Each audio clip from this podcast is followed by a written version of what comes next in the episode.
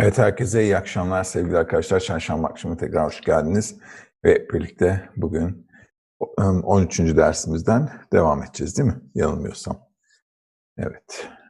Ve e, sorularınıza da vaktimiz olunca onu da hallederiz. Şimdi bugünkü dersimiz geçen hafta hatırlarsanız ıslah dünyalarını yapmıştık. Ve bu hafta da konumuz Yaradan sevgisi ve ne dedik? Neymiş?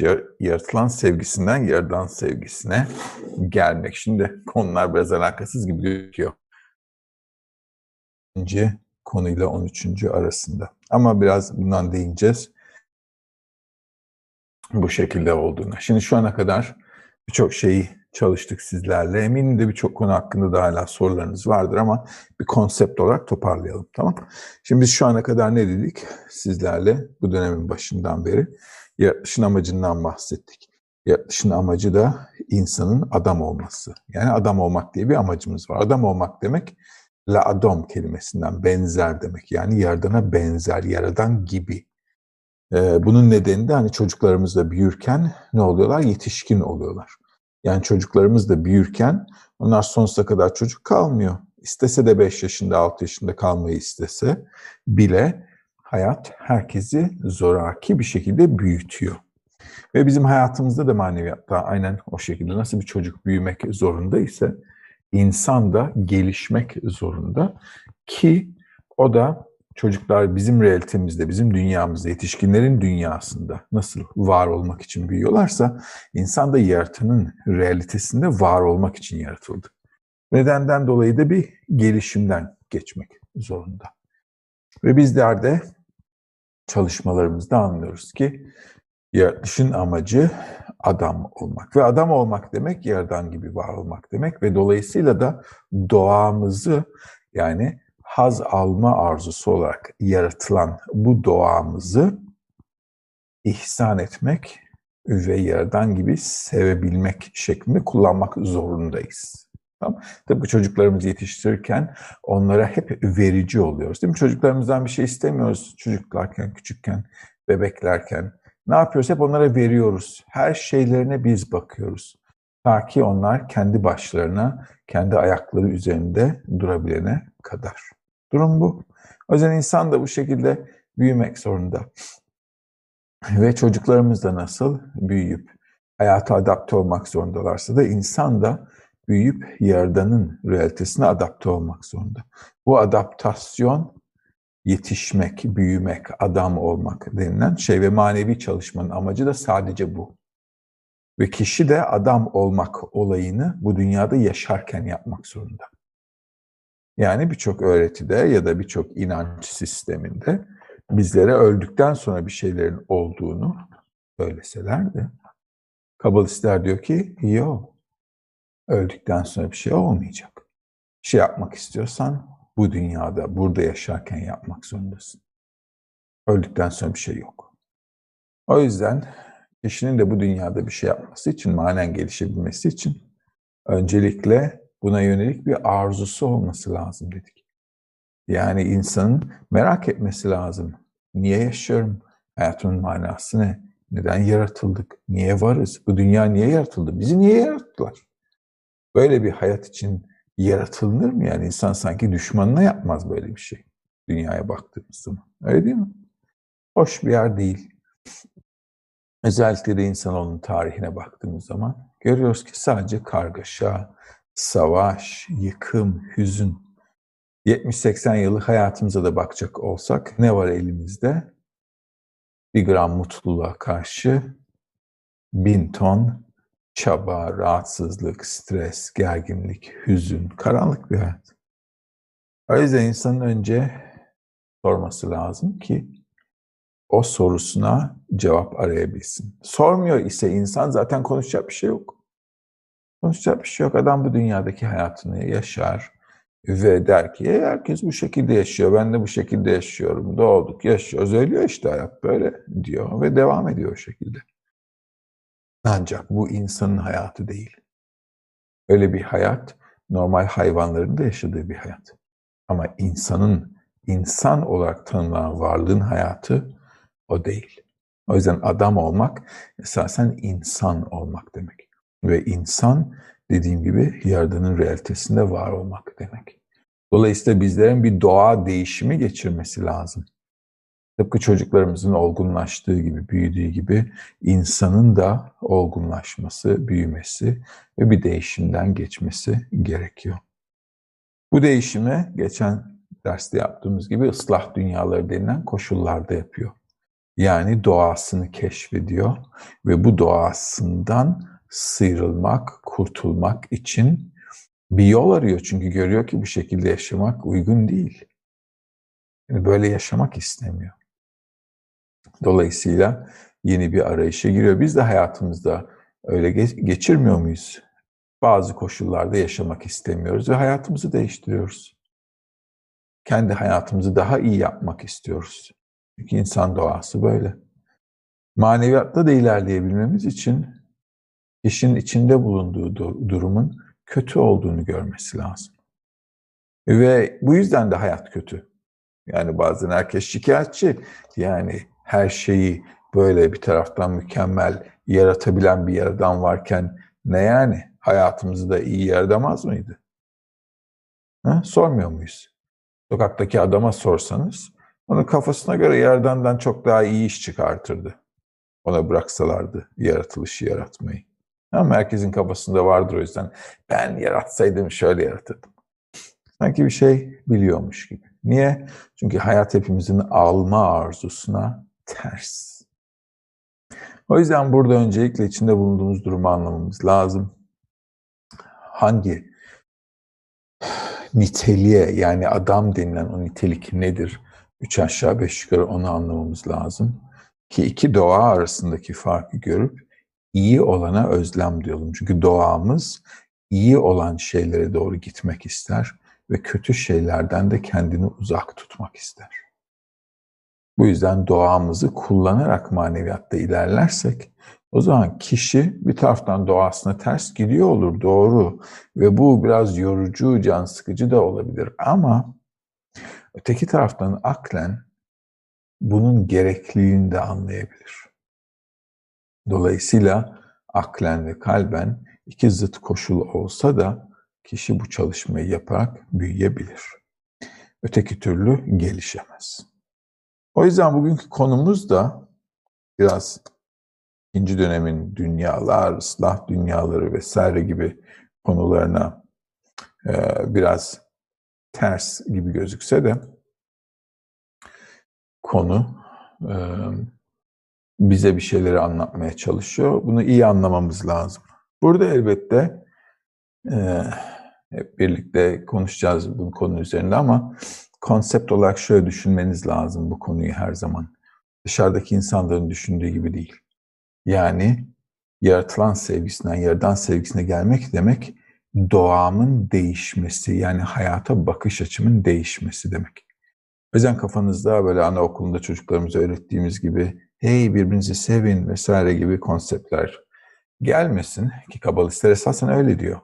İşte gerçekten öyle diyorlar. Birbirlerinizi sevmeniz lazım tıpkı çocuklara söylediğimiz gibi. Ama bunun bir araç olduğunu, yani kişinin belli bir amaca ulaşmak için bunu bir araç olarak kullanması gerektiği açısından düşünürseniz en azından kendinizi anaokulundaki gibi hissetmezsiniz. Şimdi gelelim bakalım ne anlatmamız gerekiyormuş bugün sizlere. Okey, şöyle yapayım. Biraz büyütebilirsem bunu. Ekranım dondu bir saniye. Evet, ekranımız donmuş.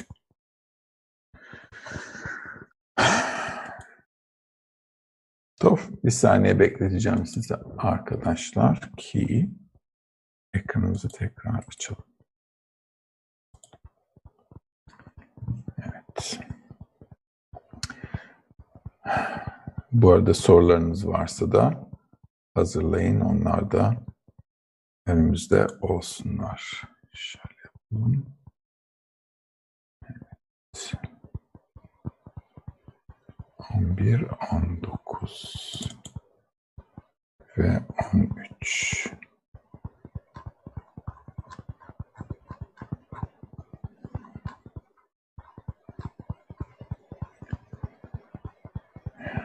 Tamam.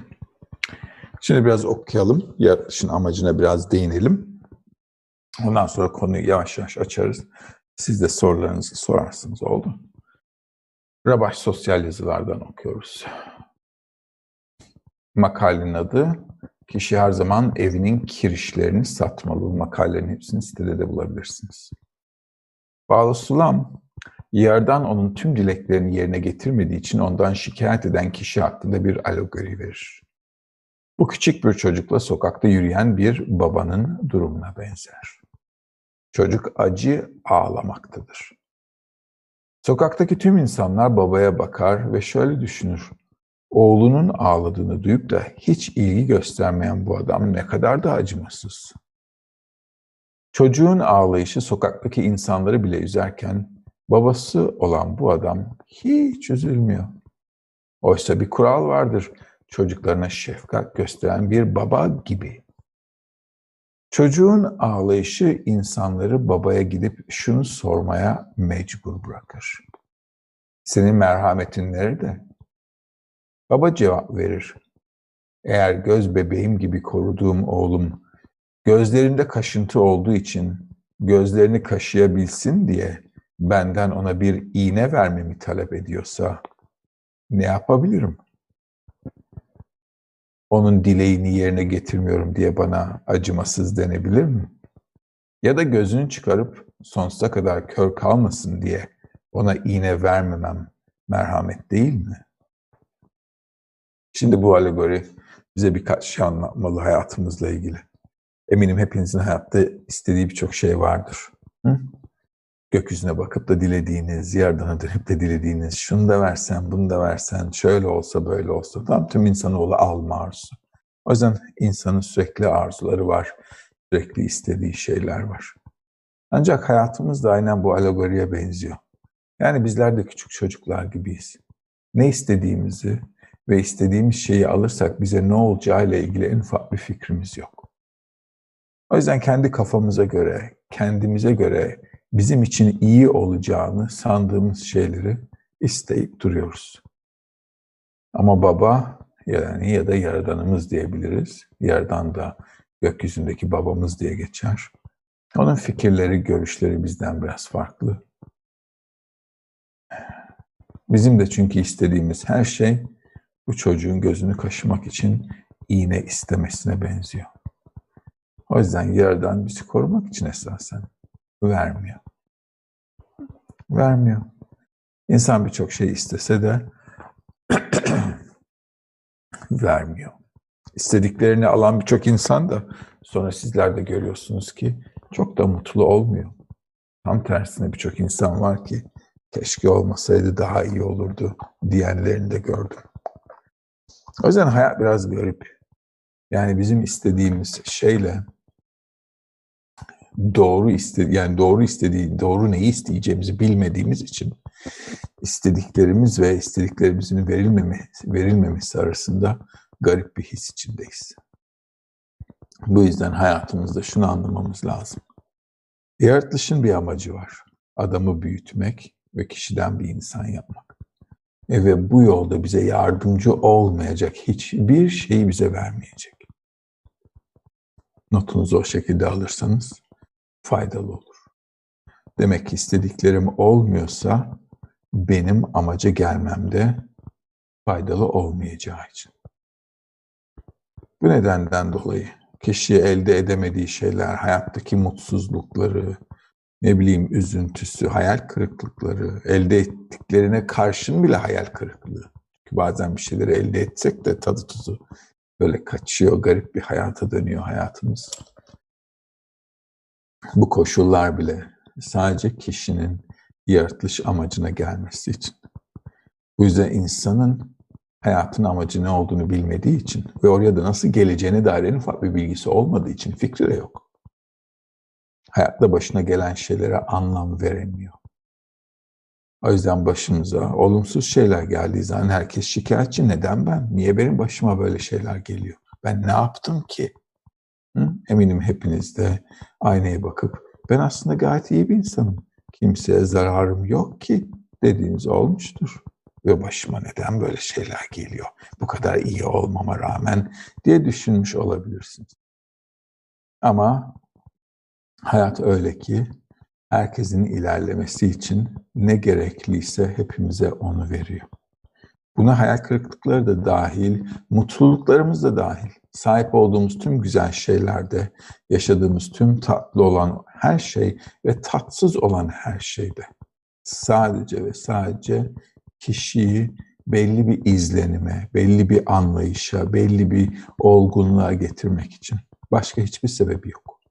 Yaratanın hiçbir eylemi yok ki boşa olsun. O yüzden an be an yaşadığımız her şey bizi büyütmek için. Bu yüzden hayatta doğru bir dengeyi sağlayabilmek için tavrımızı bu çocuğunkinden biraz farklı yapmamız lazım. Yani babam acaba ondan neyi istememi isterdi diye düşünmeye başlamamız lazım. Yani ben sürekli mızmızlanmak yerine acaba ben iyi bir çocuk olmak için ve babamı mutlu etmek için ne yapmam gerekirdi diye düşünmeye yavaş yavaş başlamak zorundayız. İnsanoğlunun çektiği tüm ızdıraplarda önümüzdeki daha sayılı birçok ızdırapta yavaş yavaş gelecek ve gelmeye de başlıyor.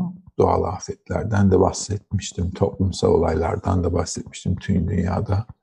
Üstümüze üstümüze geliyor, gelmesinin tek nedeni insanı sorgulatmak. Ki bu şekilde artık yaşayamayacağımızın anlayışına bizi getirmek için. O yüzden kalpteki noktası uyanan birisi sormaya başlar. Bu yüzden bizler de bu alegoriden, bu küçük hikayeden alacağımız şey şu. Artık çocuk gibi mızmızlanamayız. Durum bu. Büyümek zorundayız. Öyle anlaşılıyor ki bu nokta yanlış yolda yürüdüğü gerçekle yanlış arasında orta bir yerdedir. Bu nokta yalanın sonudur ve bu noktadan sonra gerçeğin yolu başlar. Yani bizler insanoğlu olarak dibin dibini görmek zorundayız diyor. Yalanın sonu dediği o. Yani hayatımızın böyle garip, anlamsız, tatsız, tuzsuz böyle baş, yaşadığımızdan dışarıdan baktığınızdan sizler de bakıyorsunuzdur eminim.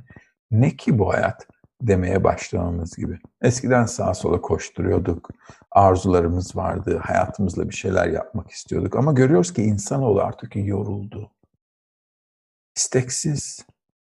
Gençlerde de bunu sık görebilirsiniz. Bir şey yapmak istemiyorlar. Ve istememeleri de çok normal. Çünkü yeni nesil tüm geçmiş neslin birikimiyle geliyor. O yüzden bir şeye arzuları yok, istekleri yok. Ve bu şekilde bir hayat yaşıyorlar. Bizler de yaşlanırken de böyle. Gençken hepimizin bir enerjisi vardı. Yani bir önceki nesil için konuşuyorum hadi. Diyelim ki. Bir şeyler yapmak istiyorduk hayatta ama görüyoruz ki yaşlandıkça arzumuz da kalmıyor. Niye? Çünkü hayat bize gösteriyor ki yani koştuğunla, koşuşunla elde ettiğin şey değmiyor. Hesap yapmak gibi. Koşuyorum, koşuyorum, koşuyorum. Yatırım yapıyorum, yapıyorum, yapıyorum. Hep zarara uğruyorum. Durum bu hayatta elde etmek istediğim şeyleri elde edince de zarara uğradığımı hissediyorum. Niye? Çünkü hayatımın sayılı günlerini baş ağrısı, sıkıntı çekerek geçiriyorum. Yani parası olan da huzursuz, parası olmayan da huzursuz. Kimsenin bir çözümü yok. O yüzden genel olarak, dünya olarak, kitlesel olarak hepimizin ortak geçirdiği bir dönemdeyiz. Ve bu insanoğlunun tarihinde ilk kez böyle. Tüm dünya aynı şeyleri yaşıyoruz. Pandemiler olsun, doğal afetler olsun, ne bileyim ülkedeki tüm tüm ülkelerin yaşadığı her şey aynı. Teröre kadar, cinayetlere kadar her şey aynı. Herkes aynı şeyi yaşıyor. Öyle görmesek de bu böyle her ülkede, her ülke diğerine benziyor. İnsanlar her yerde aynı yani. Değişen bir şey yok.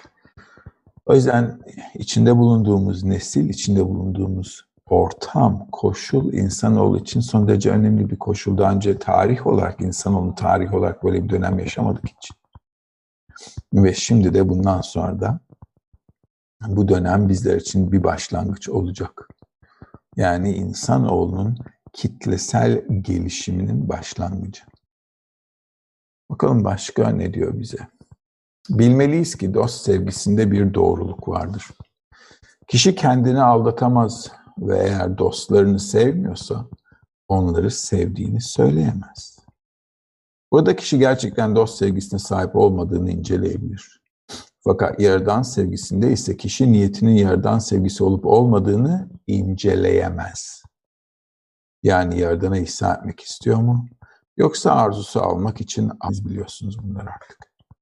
Ve biz anlıyoruz ki egoizm demek kendime başkalarına kıyasla daha çok değer veriyorum demek. Başkalarına kıyasla kendime verdiğim daha çok değer demek onları esasen değersiz görüyorum demek. Yani onları kendimden daha az değersiz görüyorum demek değil. Eğer kendime olan sevgim daha fazla ise onlara hiç değer vermiyorum. İşte onun da değiller demek. Çünkü öyle az da yüzde 99 kendimi, kendimi yüzde yüz ama seni yüzde 99 seviyorum diye bir şey yok hayatta. Nedenden dolayı insanoğlunun doğası egoist olduğu için de insan doğal olarak herkese kendi arzularını tatmin etmek için rahatsızlık verebilir. Herkesi ezebilir. İnsan egoizmi başkasına kırıntı bile bırakmak istemez. Tüm dünyada da yakında bunu da göreceğiz. Zenginler kırıntı bile bırakmak istemeyecek fakirlere. Sadece hayatta kalabilmeleri için ne gerekiyorsa. O yüzden dünyada da kıtlık falan çekiyoruz şimdi birçok ülkede. Ve bu normal. Bu normal. Dünyada herkese yetecek kadar her şey olmasına rağmen kıtlık çekiyoruz. Çünkü egoizm hiç kimseye gram bırakmak istemez. Durum bu. Şimdi hal böyleyken hayatımız giderek kötüden kötüye gidiyor. Kötüden kötüye giderken de bu kötülüğün içinden çıkmak gibi düşünceniz var ise eğer o zaman kabalistler diyor ki o harika. Şimdi böyle bir arzu varsa ne hoş. Böyle bir arzuyu yerine getirmek için ve farklı bir bakış açısı, farklı bir realite algısına gelmek istiyorsan şu anki realiteyi algılayış şeklinden çıkman lazım. Peki ben nasıl kendimden çıkabilirim? Çünkü egoizm bana beni şart koşuyor. Diyor ki sadece kendini düşüneceksin. Kendi iyiliğin, kendi menfaatin hep sen, sen, sen. Küçük sen. O yüzden adam sürekli kendi düşünür. Kendi düşünmekten de çıkamaz. Nedenden dolayı eğer hayata farklı bir şekilde yaklaşmak istiyor ise sadece kendisiyle yaşadığı bu dar hayatın dışına çıkabilmesi için başkasına ihtiyacı var. Bu başkasına manevi çalışmada dost diyoruz. Yani benimle aynı amaca gelmek istiyor. O da beninden sıyrılmak istiyor. Yaratışın amacına gelmek istiyor. İki dost ortak amaca sahipse eğer o zaman dostlar denir. Çünkü dostluk ortak amacımıza endeksli olan birbirimize verdiğimiz bir bağ koşulu. Yani dostlar bağları olursa dost olurlar. Ve aynı amaca gidiyorlarsa. Ki amaç adam olmak, insan olmak. Öteki türlü bu dünyada hayvan gibi öleceğiz. O yüzden sevgi tanımını burada anlamamız lazım. Bize burada bahsettikleri şey kişinin kendisine olan sevgisiyle yaşadığı bu dar egoizm, kendimiz için alma arzusunun içinde yaşadığımız bu dar egoizm adamı ızdırap dolu bir hayatta yaşatır ve öldürür sonunda da. Nokta. Ve öldükten sonra da insandan tekrar edeyim bunu hiçbir şey olmayacak. Sıfır. İsterseniz ölen birisinin mezarını açıp görebilirsiniz bir şey olmadığını dair. Hı? kanıtları var. O yüzden kişi bu dünyadayken bedensel hayatının yanında yeni bir algı inşa etmeli. Bu algı beni öncelikle kendimden yani kendime yönelik algıdan çıkarmak için yaptığım bir çalışmayla olabilir. O da eğer başkasını kendimden daha fazla düşünebilirsem olur. Zira Yaradan'ın doğası Kabalistlerin anlattıklarından göre, anlattıklarına göre sevgi niteliği ve sevgi niteliği ihsan etme eylemini yanında getirir. Çünkü bizler de birisini dünyevi olarak sevdiğimiz zaman da diyelim ki hani dünyevi olarak birinize aşık olduğunuz birisine diyelim ki o zaman ona hediye almak size mutluluk veriyor değil mi? Çünkü onu seviyorsunuz. Dolayısıyla onun için para harcamanız ve zaman harcamanız onun mutluluğunu görmek için size değiyor. Nasıl olur bu? Hem para harcıyorum hem zamanımı harcıyorum. Hem de bir yeni stres çekiyorum acaba neyden hoşlanır, ne alsam, ne yatsam diye kafamı bir de bin bir problemle meşgul tutuyorum. Birini mutlu etmek için. Ama niye? Çünkü sevgi gerekli kılıyor ve o sevgi sıkıntılı da olsa haz veriyor. Dolayısıyla bu iki nitelik yani sevgi denilen bir nitelik kişinin farklı bir hayat şekli, farklı bir his diyelim buna. Bu hisse bazen ruh da denilir. O hissiyatın içinde yaşamasına sebep olur. Dolayısıyla ruh demek bir başkasını hissedebilecek algı, duyu demek. Yani benimin dışındaki birisini hissedebilmem demek.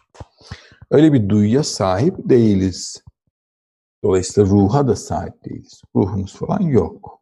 Olsaydı hissederdik. Eğer birisi de bizlere gidip hey ruh diye bir şeyler var demeseydi bir yerlerde bize de anlatmasalardı hiçbirimizin aklına bile gelmezdi öyle bir şey oldu. Kimin aklına gelecek? Hayvansal bedenimiz var ve ölüyoruz. O kadar. O yüzden birileri yazmasaydı, anlatmasaydı hayatın farklı bir yaşam koşulu daha var ve bunu esas edinirsek hayat bu diye bize anlatmasalardı bizim de arka bahçedeki tavuklardan bir farkımız olmazdı. Çık her gün, yiyeceğine bak, kümesine geri dön, sabah tekrar kümesten çık, ertesi gün yine aynı şeyi yap, Kümesten çık, kümese dön. Kümesten çık, kümese dön. Adam da o şekilde yaşıyor. Hiçbir farkı yok.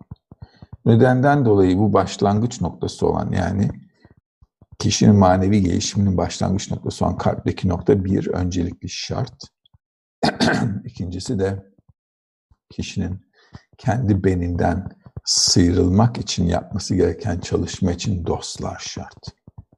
Bu nedenden dolayı insan sevgisi denilen şey sokaktaki insanların küçümsediği çocukça bir şey gibi gelse de yok. Tam tersine bu insana yeni bir hayat kazandırmanın aracı. Araç. Amaca ulaşmak için araç. Ve amaç zaten böyle bir nitelik ile kıyafetlenerek yaşamak.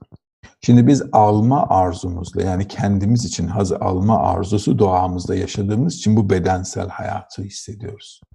Manevi bir hayat hissetmiyoruz. Ama eğer kişi kendisini düşünmek yerine başkasını düşünürse yeni bir bedende yaşar derler. Nasıl bu bedende yaşadığımızı görüyoruz, algılıyoruz. O yüzden zor bir şey olmasa gerek bir başka şekilde daha hayatı hissedebilirim, algılayabilirim diye düşünmek. Doğru değil mi? Eğer bu şekilde var olabiliyorsak belli bir şekilde daha herhalde var olabiliriz. Bilim adamı gibi düşünmemiz lazım. Nasıl başlıyorlar bir şeye? Varsayımla. Eğer böyle bir şey var ise böyle bir şeyin de var olma olasılığı var. O yüzden Kabala bir ilim, hayatın ilmi. Dolayısıyla kişi bu ikinci varoluş koşulunu inşa etmeli. ve ruh dediğimiz yaradanı algılayan algı, organ kişinin geliştirmesi gereken ve o algının içinde bu dünyada yaşarken yaşaması gereken koşul. Ve işin açıkçası tüm öğreti sadece bundan ibaret. Yani kişi var, yaratılış var, yaratılışın arkasında bir yaradan güç var ve her şey bu üç koşul arasında. Ben ve yaradan. Nokta. Başka bir şey yok. Realitede. Arada gördüğümüz her şey, yaratılışta gördüğümüz her şey, cansız, bitkisel, hayvansal, insanlar vesaire bu yaratılışta gördüğümüz her şey sadece bizi oraya yönlendirmek için. Durum bu. O yüzden sevgi denilen koşul çok dikkate almamız lazım. Son derece e, titiz olmamız gereken bir konu bu. İnsanın esasen yapması gereken hayatta tek şey bu. Ve bu şekilde ancak üst bir bilinci, yerden bilinci ya da yaratılışa Yaradan'ın gözlerinden bakmak ya da Yaradan'ın düşüncesini edinmek ya da aşina olduğunuz diğer şeylerle de tarif edildiği gibi mesela cennete gitmek gibi. Cennet olayı da bu. Cennet demek Yaradan gibi, onun katında yaşamak, onun gibi var olmak demek. Tıpkı bir çocuk bizim seviyemize çıktığı zaman bizim gibi yetişkin olması gibi. Şimdi bazı dinlerde diyorlar ki hey bu şirk koşmak falan değil mi? Yok öyle bir şey değil. Yerden yaradan, yaratılan varlık, yaratılan varlık. Ama yaratılan varlık da yaratılan varlık gibi adam akıllı yaşamayı öğrenmeli yani. Sonsuza kadar bir kedi köpek gibi yaşayamaz. O yüzden yaratılışın amacı adam etmek insanı. Adam etmek demek kişi hala alma arzusunda ama bu alma arzusunu yaradan gibi ihsan etme koşulunda kullanmak zorunda. Bu yüzden işte iki ayrı güç var. Yaradan ayrı, yaratılan varlık ayrı. Ve tüm yaratılışın amacı ikisi arasında bağ gelmek. Buraya kadar sorusu olan var mı? Var. Peki.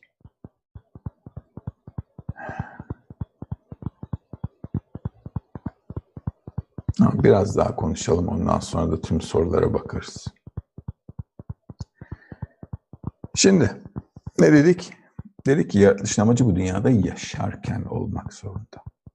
Yani kişi nasıl çocuklar bu dünyada yaşarken büyüyebilirler. Öyle değil mi? Bizler de yaşarken manen büyümek durumundayız. Şimdi dünyaya baktığımız zaman bir sürü metod var. Binlercesi var hatta. Tam bugün Google'a sorsanız 4000'den 5000'den fazla metod var. Sadece bu metod insanın doğasına karşı gelmenin gerekliliğini anlatıyor. O yüzden burada bir anlayış önemli öncelikle. Yani aklımızla entelektüel olarak şunu anlamamız lazım. Doğamızın ne olduğunu bilmemiz lazım ve bunu bastıramayacağımızı da bilmemiz lazım. Çünkü insanoğlu doğası gereği kötüden kurtulmak istiyor hep. Ve bu yüzden de doğamızdaki tüm kötülüklerden bir şekilde kurtulmak istiyoruz. Ama bu mümkün değil. Kötülüklerden kurtulamayız. Çünkü kötülüklerden kurtulur isek iyiliğin ne olduğunu asla bilemeyiz ve hiçbir şekilde de iyiliği bunun üstüne inşa edemeyiz. O yüzden Yaradanımız son derece yaratıcı bir Yaradan. Bu nedenden dolayı da insanoğlunun hiçbir zaman kötülüğü silmesine izin vermeyecek. O yüzden bazen soruyorsunuz, niye iyi insanlar genç ölüyor? Neden dünyaya iyilik yapan insanlar genç genç gidiyor? Veya neden başarılı olamıyorlar? Hı? Çünkü yerden onların başarılı olmasını istemiyor sadece kötülüğün farkındalığına varan birisi bilinçli bir şekilde iyiliği inşa edebilir. O yüzden tüm bu dünyayı iyileştirmeye çalışan cici vatandaşlar var ya, dünyayı kurtarmak isteyenler. Hiç başarılı olamayacaklar. Asla. Yerden ona izin vermeyecek. Ve buna karşı hep kötülük daha fazla yükselecek. O yüzden ne çevreyi kurtarabilirsiniz, ne hayvanları kurtarabilirsiniz hayvanları sevme derneğinizle, ne de çevreyi, çevreyi koruma derneğinizle. Yerden hiçbir şeyi korumamıza izin vermeyecek. Ta ki insan tümüyle kötülüğünden kendi çapında kurtulmanın ihtiyacını hissedene kadar. Bu ihtiyacı iki şekilde gelebilir kişi. Bir biraz hassas olur, uyanır. Hayatımın manası ne, bu nasıl iğrenç bir hayat demeye başlar. Ya da sürekli taşlanan, dövülen bir hayvan gibi bir ızdıraptan bir diğer ızdıraba, bir diğer ızdıraba gide gide gide gide artık yeter diye bağırmaya başlar. O şekilde inatçı çocuklarımızı zorla adam ettiğimiz gibi hayatta o şekilde yapar. Bu yüzden akıllı olmamız lazım biraz. Yani kötülüğün gerekli olduğunu ancak bu gerekliliği yaşamak zorunda olmadığımızı ve bunu iyiliği inşa etmek için bir kaldıraç olarak kullanmanın gerekliliğini anlar isek iyilik olur dünyada. O yüzden kendimi saf saf iyi hissedeyim diye ve bu dünyada iyi bir hayatımız olsun ve güzel bir emeklilikle de ölelim düşüncesiyle bir yere varamaz insanoğlu. Öyle bir şey yok. Yaratılışın amacı bu dünyada cici cici yaşayıp, güzel güzel yaşayıp ölmek değil. O yüzden de öyle bir şeyi insanoğlunun elde etmesi mümkün olmayacak. Anlaştık. O yüzden diğer metodlara kıyasla bu dünyada iyi bir hayatımız olsun. Evet bu dünyada iyi bir hayatımız olsun şüphesiz. Ama iyi hayatın ne olduğunu anlamamız lazım. O yüzden maneviyatta, kabala ilminde iyi hayat ne demek bunu bilmemiz lazım. Kötülüğümüz nereden kaynaklanıyor bunu bilmemiz lazım. Ve neden bu hayatta iyi bir hayatımız bu şekilde yaşarsak olmayacağını anlar isek iyi bir hayatı o zaman inşa edebiliriz. Başka türlü inşa edemeyiz. Tamam. İnsanoğlunda doğal hali hep kötülükten kaçmak istediği için iyi, iyi bir şeyler yapmaya çalışır ve her zaman yüzüne gözüne bulaştırır. O yüzden insanoğlunun yaptığı hiçbir şeyden, hiçbir şeyden iyi hiçbir şey çıkmayacak. O şekilde notunuzu alın. Ve görürsünüz ki insanoğlunun yaptığı hiçbir şeyden hiçbir iyilik çıkmaz. Hiçbir zaman.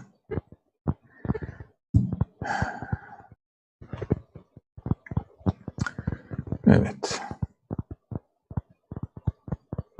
Dolayısıyla yavaş yavaş insanoğlu kalitesel problemler yaşamaya başlıyor 21. yüzyılda. Eskiden insanoğlunun neydi derdi? Açtık, yiyeceğimiz olsun. Yani günü günlük yaşıyordu birkaç yüzyıl önce insanlar. Hala. Hala, hala günü günlük yaşayan çok insan var ama genel olarak bakacak olursak insanların hali geçmişte çok daha korkunçtu. Ne olacağı belli değil. İnsanlar daha genç ölüyordu vesaire vesaire vesaire. Şimdi ise her şeyimiz var ama mutlu değiliz. Daha az mutluyuz. Mutsuzluk oranı sürekli artıyormuş. Artık insanoğlunun fiziksel hastalıklarının ötesinde yani nedir en çok öldüğümüz hastalıklar? Kanser ve damar tıkanıklılığı, kalp hastalıkları, damar hastalıkları en çok can alan şeyler. Şimdi ne diyorlar? O bunlardan daha da yaygın bir hastalık var. Depresyon ve yalnızlık hastalığı. Tamam? Bunlar da insanoğlunun esasen insan seviyesinin hastalığı bunlar. Bunlar da bize bir şey göstermeli. Yani hayatta her şey bize bir şey göstermek için var. O yüzden şimdi yaşadığımız şeyler dikkat ederseniz fiziksellikten ziyade ruh halimizle ilgili. maneviyatımızla ilgili sıkıntılar yaşıyoruz. Hayatın anlamsızlığı, stres, gerginlik, bunalım, yalnızlık. O yüzden giderek şeyimiz de değişiyor. Ee, hastalıklarımız da değişiyor. Kanser binlerce yıldır var, yeni bir şey değil. Ama giderek artan bir temposu var. Niye? Çünkü alma arzumuz arttıkça kanser de artar. O yüzden 3-5 kanser varken birkaç yüz şekilde kanser olmaya başladı. Aynı şey damar, kalp hastalıkları. Dikkat ederseniz bunların hepsi vücutta bağlantı, ilişki denilen şeylerin hastalığı. Yani organların, hücrelerin arasında denge olmadığını gösteren hastalıklar bunlar. Yani bizim vücudumuz da bir insanoğlu gibi. Bize hayatı bir vücuttan da anlatabiliriz kendi kendimize. Şimdiki durum da aynı şekilde. Tüm gerginliğimiz, stresimiz, mutsuzluğumuz, insanla insan arasındaki ilişki doğru olmadığı için. O yüzden bu insan sevgisi denilen şey tüm sağlığımız, tüm hayatımız, tüm mutluluğumuz, her şeyin merkezi. Ve bu virüsten kurtulmamız dahi, Covid-19'dan herkes sanıyor ki aşılarla falan kurtulacağız. Belki daha önceki derslerimde dinlemişsinizdir. Ya, bununla yaşamaya hep birlikte uzun yıllar alışalım. Çünkü insanı ne aşılar kurtarır ne ilaçlar. ilaçların kurtarmadığını da görüyoruz.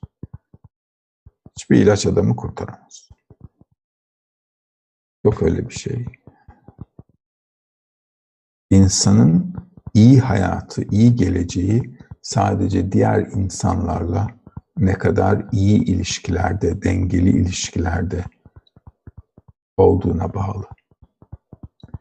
Bedensel sağlığımızda, ruh sağlığımızda sadece buna bağlı. Ve kişinin daha üst bir realiteyi, üst bir bilinci edinmesi de buna bağlı. O yüzden sevgi yaratılışın arkasındaki güç olarak bilinir. Öyle basit bir kelime değil sevgi. Çikolata sevmek gibi. Sevgi tüm realitenin işleyen gücü. Yani hayatta var olabilmek bu güce sahip olup olmamaya bağlı. O yüzden bu güce sahip olmadığımız sürece hayatımızda nasıl? Ölümlü. O yüzden hayatımız ölülerin hayatı olarak bilinir. Ve maneviyatta bu dünyadan niye bahsedilmez? Manevi kaynakların hiçbirinde, otantik manevi kaynakların hiçbirinde bizim bu fiziksel dünyamızdan bahsetmezler. Neden? Çünkü burası ölülerin dünyası diye bilinir. Buradan bahsedilecek bir şey yok ki.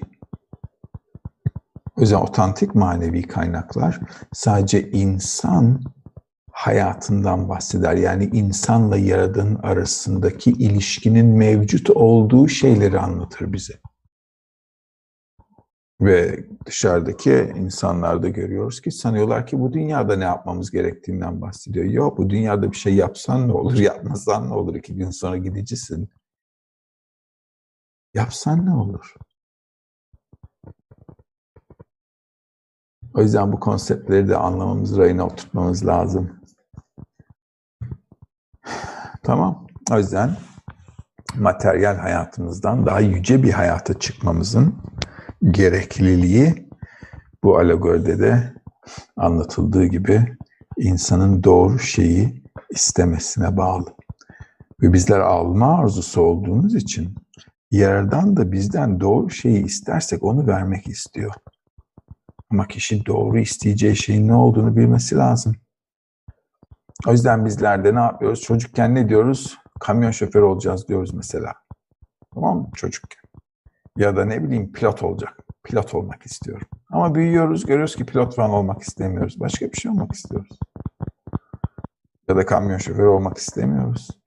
Kamyonlarımızla oynuyorduk ama öyle olmak istemediğimizi görüyoruz.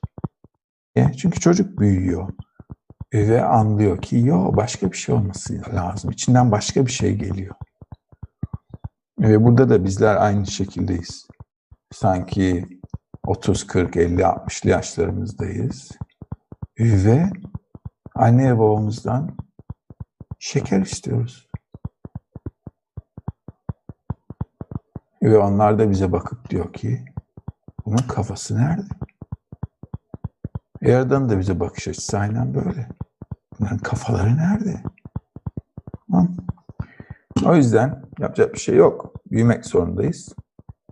Tüm sıkıntılarımızın nedeni olmamız gereken yer ile olduğumuz yer arasındaki fark boyutundaki koşulda.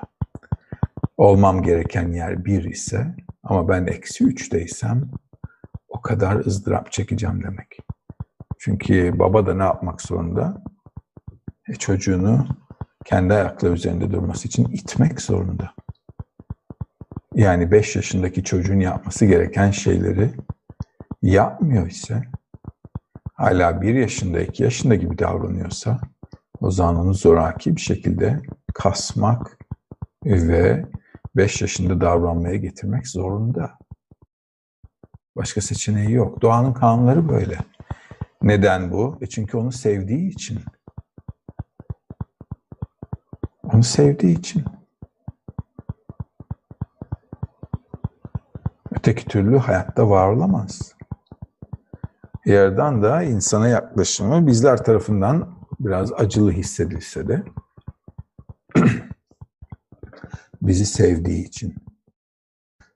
Sevgi beraberinde bunu da getiriyor. Sevmek demek cici cici kucaklamak demek değil.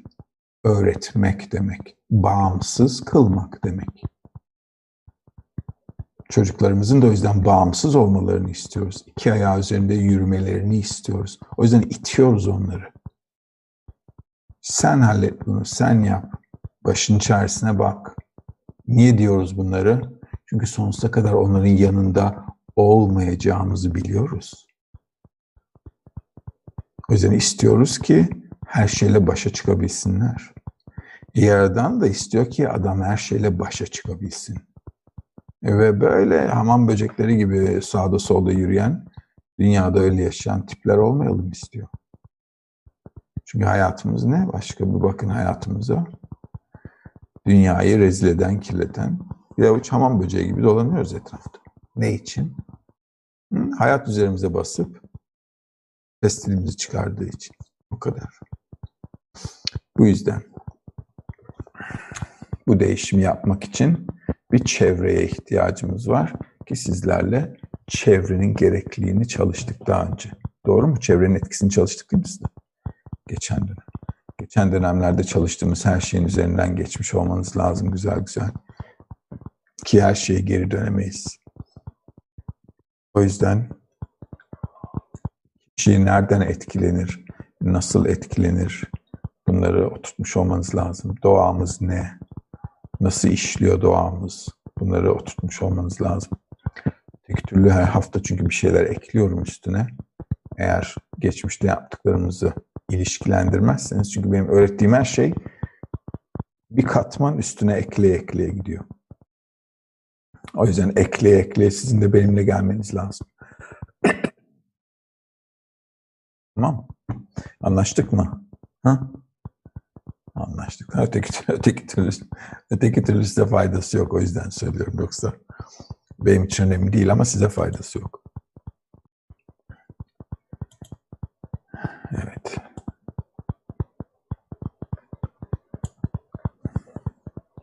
Konuyla ilgili sorular. Selam Rehber. İsmail sormuş. Selam Rehberim. Anlattığınız gibi yerden bizi sürekli seviyorsa bizim arzuladığımız para, cinsellik ve itibar arzularımız neden tatmin olmuyor? Bunları arzularken neyi eksik yapıyoruz? Başımıza gelen kötü olaylarda niyetimiz mi yanlış yoksa istemeyi mi bilemiyoruz? Bu olayların nedenini nasıl inceleyip çözeceğiz? Bu olayların nedenini yani tüm problemlerimizin ya da tüm yerden bizi seviyor ama neden bize istediklerimizi vermiyor diye soruyor isen istediğimiz şeyler bizim için faydalı olmadığı içindir belki. Burada örnekte verdiği gibi. Bunları arzularken neyi eksik yapıyoruz? Çünkü İsmail 30'lu 40'lı yaşlardasın ve babana gidip baba bana lollipop getir diyorsun. Hı? Nerede İsmail? Burada mı? Buralardadır. Evet. Tamam. O şekilde. Yani bir insanın istemesi gereken şeyi istemiyorsun. Bir yerden de diyor ki yeter İsmail. Artık it's my life İsmail olamazsın diyor. Artık başkalarının hayatına yönelik İsmail olabilirsin diyor. It's your life İsmail olabilirsin. My life İsmail değil. Anlaştık. O zaman, o zaman kişiye problem getirmiyor mu yaradan? Getiriyor ama kaliteli problem getiriyor. Yani babanın çocuklarına bakarken yaşadığı sıkıntıları getiriyor. Yani sevmekte ne yapabilirim? Almakta değil, vermekte ne yapabilirim? Çünkü sevgi endişe ve korkuyu beraberinde getirir. Ve bu sevgiyi tatlandıran koşul. Ama sen diyorsun ki hep bana çikolata. Yerden de diyor ki büyü artık İsmail. Başımıza gelen kötü olaylarda niyetimiz yanlış değil. Çünkü niyetimiz falan yok. Biz kendimiz için alma arzusuyuz. O yüzden niyetimiz hep kendimiz için. Kişi hep kendi için çalışır. Bu notunuzu alın. Kendinizi biraz incelerseniz görürsünüz ki hayatınızda yaptığınız, yapıyor olduğunuz ve maneviyatta ilerleyene kadar da yapacağınız her şey sadece kendiniz içinde. Başka kimse için değil. Bunu görmemiz iyi bir şey. Kendimizi kötü hissedelim diye söylemiyorum bunu. Bunları görmemiz iyi bir şey. Ki bunu değiştirebiliriz. O yüzden dışarıdaki adama sorarsanız, söylersiniz sen Aa, ne kadar egoist bir adamsın. Dersin ki benden ne, ne istiyorsun ki? Ben gayet iyi bir insanım. Kimseye zararım yok. Ben iyiyim. Niye? Çünkü gerçeği görmediği için. Maneviyat adama önce gerçeği göstermeli. O zaman iyiyi inşa edebilir kişi.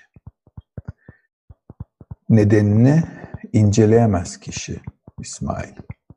Çünkü bir şeyin sebebini inceleyebilmem için içinde bulunduğum koşulun üstünde olmam lazım. Bu yüzden psikologlar, psikiyatristler insanların psikolojik problemlerini asla çözemezler ve çözemeyecekler de. Çünkü kendisini anlayamayan insan seni nasıl anlasın? Biz hayvan seviyesini anlıyoruz ya da biyolojimizi anlıyoruz. Biyolojimiz de hayvansal seviyeye ait çünkü.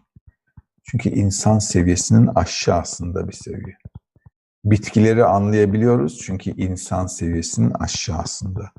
Fizik de kimyayı da anlıyoruz çünkü insan seviyesinin altında. Ama biz kendi kendimizi anlamıyoruz. Çünkü insanın üstünde değiliz. O yüzden bir üst seviyeye çıkmamız lazım ki bu dünyada ne olduğunu anlayayım. Hayatıma başka türlü anlam veremem. O yüzden her şeyi anlıyoruz. Kendimizi bu problem. Çünkü tüm problemlerimiz bu, tüm ruhsal sorunlar, stres, depresyon, hayatın gerginliği, şu bu insan kendi doğasını anlamadığı, bilmediği için. O yüzden öğreneceğiz. Öğrendikçe olgunlaşacağız, büyüyeceğiz ve doğru şeyleri isteyeceğiz. Melisa sormuş, her şey yaratışın amacına gelmek için başımıza geliyor. Ama karşımıza çıkan bazı şeyler yüzünden önem sıramız değişiyor. Burası bazen bazı şeyler yüzünden sanki daha önemsizleşiyor. Neden? E çünkü yeterince ızdırap birikmediği içindendir Melisa.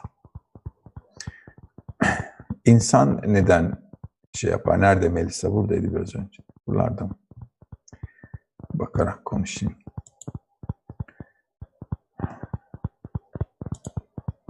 Buralar, evet buralarda. Burada mısın? El salla bakayım. Görelim. Evet. Şimdi sen gençsin. Daha önünde güzel bir ömür var. Hem gençken hepimiz O şekilde bakıyoruz hayata ve doğru bir yaklaşım o. Öyle de olması lazım. Öyle de olması lazım. O yüzden hayatta istediğim şeyler var, yapmak istediğim şeyler var. Dolayısıyla maneviyat biraz daha az önemsiz oluyor ve bu doğru. Ve bu normaldi. Normaldi. Öyle de olması lazım. Normal, anormal bir şey değil. Kişiyi önemli kıldırtacak şey bir tek şey var işin açıkçası. Bu da hayatın karanlığı. O kadar. Burada ama öğrendiğin birkaç şey bile yani ileride sana çok yardımcı olur. Mesela ne diyoruz hep? Haz ile arzu birbirini iptal eder. Tamam şimdi gençsin. Neyin peşinde koşacağına iyi hesap yapabilirsin. Bunları öğrenebilirsin. O yüzden insan doğasını öğrenmek hayatı daha iyi yaşamaya da yardımcı olur. O yüzden gençken doğru söylüyorsun. Bazen önemsizleşiyor. Çünkü hayatın güzel şeylerini tatmak istiyorsun ve bu doğru.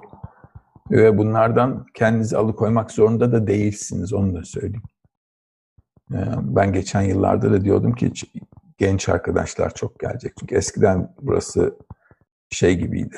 Ne derler oraya? Yaşlılar evi gibiydi. Hı. Mı? Hayattan bezmiş Bekir, bezgin Bekirlerin evi. O şekildeydiler. Herkes. Ondan sonra yani 4-5 yıl önce söylediğim şeyler. Yo yeni arkadaşlar gelecek, genç arkadaşlar gelecek, gençler gelecek artık. Ve o yüzden yaklaşımımızda da, anlatışımızda da biraz daha farklı bir hava var. Sohbet havasında daha çok. Eskisi kadar yazıp çizmiyorum. Bunun sebebi diyalog, anlatmak, konuşmak sizlere daha uygun diye. Şimdi hayattaki istediğimiz şeyleri mutlu olmak için peşinden gitmeyi istediğimiz şeyleri bırakmak zorunda değiliz ki hayatta. Bunların hiçbirini adam bırakmak zorunda değil. Normal bir hayatımızdan taviz vermek zorunda da değiliz. O yüzden aa ben şimdi hayatımı çöpe atacağım ve buna bununla ilgileneceğim demesine hiç gerek yok. Tam tersi. Hayatı iyi bir şekilde dolu dolu yaşayabilirsiniz. Bu şey, bunları anlarsınız daha da dolu yaşarsınız. Öncelikle kendinizde, e, öncelikle çevrenizdeki ilişkiyi anlarsınız. İnsanla insan arasındaki ilişkiyi anlarsanız hayal kırıklığına uğramazsınız. Öncelikle. Niye? E çünkü insan doğasını biliyorsanız sizi kimse hayal kırıklığına uğratamaz. Çünkü herkes egoist. o yüzden herkesi çözmüş durumdasınız şu anda ilk bakışta. Ha? Herkese alma arzusuyla geliyor. O yüzden yapacağınız hesaplar daha sağlıklı. Hayata bakış açınız da daha sağlıklı bir bakış açısı. o yüzden sıkıntı yok. Dünyevi hayatınızda da mutlu olmak için elinizden geleni her zaman yapabilirsiniz. Mutlu olmayı bırakmak diye bir şey yok. Bu dünyayı çöpe atmak diye bir şey de yok. Bu dünyayı normal, güzel, cici bir şekilde yaşıyoruz. Üstüne maneviyatımızı da ekleyebiliriz istiyorsanız. Tamam. Derslerde biraz böyle şey anlatıyorum. Sanki negatifmiş gibi geliyor ama e, negatif e, olduğundan değil. Yani gerçekleri anlatmak istiyorum. Sizin zaten bildiğiniz şeyler bunlar. Tam hayattan da. Yani dünyaya baktığımız zaman gördüğümüz şeyler olumsuzluk. İşte sebebini anlatmaya çalışıyorum ki bu sebebi anlarsak hayatımızda da nasıl daha çok mutlu olabileceğimizi görürüz. O zaman absürt şeyler peşinde koşmayız. Eğer biliyorsam ki insanla insan arasındaki iyi ilişki mutluluğumuzun tek sebebi ise ve hayattaki birkaç tecrübeyle de aa bunun gerçekten böyle olduğunu anlar isem değil mi? Hayatta birçok ızdıraptan kurtulmuş olmuyor muyum? Acı ızdıraplarla öğrenmiyorum yani. Ondan sonra ne yapmıyorum? Arabesk plakları dinlemek zorunda kalmam. Hı, batsın bu dünya gibilerinden. Niye? Çünkü görüyorum ki aa mutluluk iyi ilişkilerimizde. Ne materyalizmde, ne bilmem şunda ne de bunda. İnsanla insan arasındaki iyi ilişki sürekli mutluluğun, sürekli iyi hayatın ve iyi geleceğin tek ve tek koşulu. Okay? Yaşadıkça da görüyoruz. Bunları bilmemiz bile iyi bizim için. Çalışmasanız bile ileride kabalı. Bilmek için iyi. Mehmet sormuş. O zaman sonraki nesiller bizlerden daha iyi mi olacak? Yo. Her yeni nesil daha iğrenç. Her zaman. Tam her yeni nesil daha egoist gelir dünyaya. O yüzden dünya giderek kötüye gider. Hı? Nerede Mehmet? Hangi Mehmet soruyor? E, salın sizleri de teker teker tanıyayım bari. Sizlere bakarak konuşayım. Okey Mehmet. Sen, sen de genç bir arkadaşsın. Her genç, her yeni nesil daha kötü gelir. Daha egoist gelir. O yüzden giderek kötüleşir nesiller. Ama bu böyle olmak zorunda ki kötülüğün farkındalığı öteki türlü olmaz. Özgün sormuş. Benimizin dışını algılamak ile yaradanı algılamak aynı şey diyebilir? Diyebiliriz tabii. Kişinin dışında sadece yaradan var. Sadece. O yüzden e, Yaradan'ı da doğru tanımlamamız lazım. Kafanızda öyle Noel Baba gibi birisi olsun istemiyorum. Öyle al yanaklı bulutlarda yukarıdan bizlere bakıyor. Uuu çocuklar nasıllar falan diye. Yok öyle bir şey. Yerden bir güç, işleyen bir sistem ve üstümüze etki yapıyor. Ve o etkiden aldığımız izlenim, his yerden olarak tanımlanan şey. O yüzden bize dışarıdan etki yapan her şey yaradan. O yüzden yaradan her yerde denir. Hepimizi sarıyor, bütünleştiriyor, bizi bir arada tutan, her şeyi işleten bir güç. O gücün insan üstüne etkisi zaten sevgi ve ihsan eden olarak algılandığı için o şekilde yaradanı tanımlıyorlar. Yoksa yaradan öyle bir kişilik değil. Kafanızda öyle bir şey olmasın. Putperest olursunuz dinlerdeki gibi. Yaradanı bir güç ve bize etki yapıyor ve bizim o etkiden hissettiklerimizi yerden olarak tanımlayabiliriz. Arkadaşlarımızı da öyle tanımlıyoruz. Ne diyoruz? Ali iyi bir insan, Veli cimri bir insan, ne bileyim bir başkası şöyle bir insan. Neye göre öyle tanımlıyoruz? Çünkü onların yaptıklarından onları tanıyoruz. Yani onların yaptıklarından üzerimizdeki izlenimleri bize insanları tanımlatan şey. Yoksa Ali'nin de kim olduğunu bilmiyorum, Veli'nin de kim olduğunu sonuç itibariyle bir et parçası. İki gün sonra gidecek o et parçası. Ama Ali de bir güç, Veli de bir güç. O yüzden yerden de işleyen bir güç. Onu algılayışımız da o yüzden o duyularımızla olması lazım. O duyuya ruh diyorlar. Ruh dediğimiz o yüzden geliştirmemiz gereken Yaradan'ın bizi yoktan var ettiği gibi kişinin de ruhunu yani yaratılış amacını yoktan var etmesi lazım. Öteki türlü Yaradan'ı anlayamayız. Anne ve babamızı ancak biz de anne ve baba olunca anladığımız gibi. Tam öteki türlü yerden de algılanamaz. Anlaşılamaz yani. Yaratanın düşüncesini anlayamayız. Bu çok önemli bir konsept. Kişi o yüzden tüm realiteyi inşa etmeli. Sanki realitenin sahibi oymuş gibi. Öteki türlü yerden bize iyilik yapıyor diyemeyiz. Yoksa yerdanı nasıl, yoksa yerdanla aramızdaki ilişki eve aldığım süs köpeği gibi olur. Ben ve süs köpeğim var ve yerdan ve adam var. O şekilde olur. Ama adam olmak demek ve bağımsız, kendi ayakları üzerinde duran bir varlık olmak. O zaman Yaradan'a iyi iyilik yapan diyebiliriz ve şekilde de algılayacağız. O yüzden dışımızdaki gücün bize etkisi algılandıkça netleşecek. Ramazan sormuş. Mutlu rehberim kendimizi ve hayatımızı unutup insanları düşündüğümüzde ortada sorun görmüyoruz. Sorun yoksa çözecek bir şey de olmuyor. O zaman da dünyada ilerleme sağlayamıyoruz. Çünkü zaten her şey okey. Şey, her şey okey değil Ramazan. Çünkü bugün birisini sevebilirsin ama yarın ne olacak? Bayağılığımız artacak. Dünümle bugünüm aynı değil. Kişi gelmesi gereken son safhaya kadar sürekli içinde negatif bir olumsuzluk keşfetmek zorunda. Öteki türlü düzeltecek bir şey yok. Yani iyiliği sürekli hat safhaya getirebilmem için içimde de kötülüğü o denli ifşa etmem lazım. O yüzden her kim kötüyse dünyada neden kötülüğü silemezler dedim. Çünkü her kim dünyada kötü ise o sevgiyi inşa edebilir. Sevgiyi cici vatandaşlar inşa edemez o yüzden. Mantığı anlatabildim mi ben size? Mantığı anlamanız lazım. Gece olmadan gündüz olmaz. Acıyı bilmezsem tatlının ne olduğunu da bilemem. En azından bunu anladınız mı?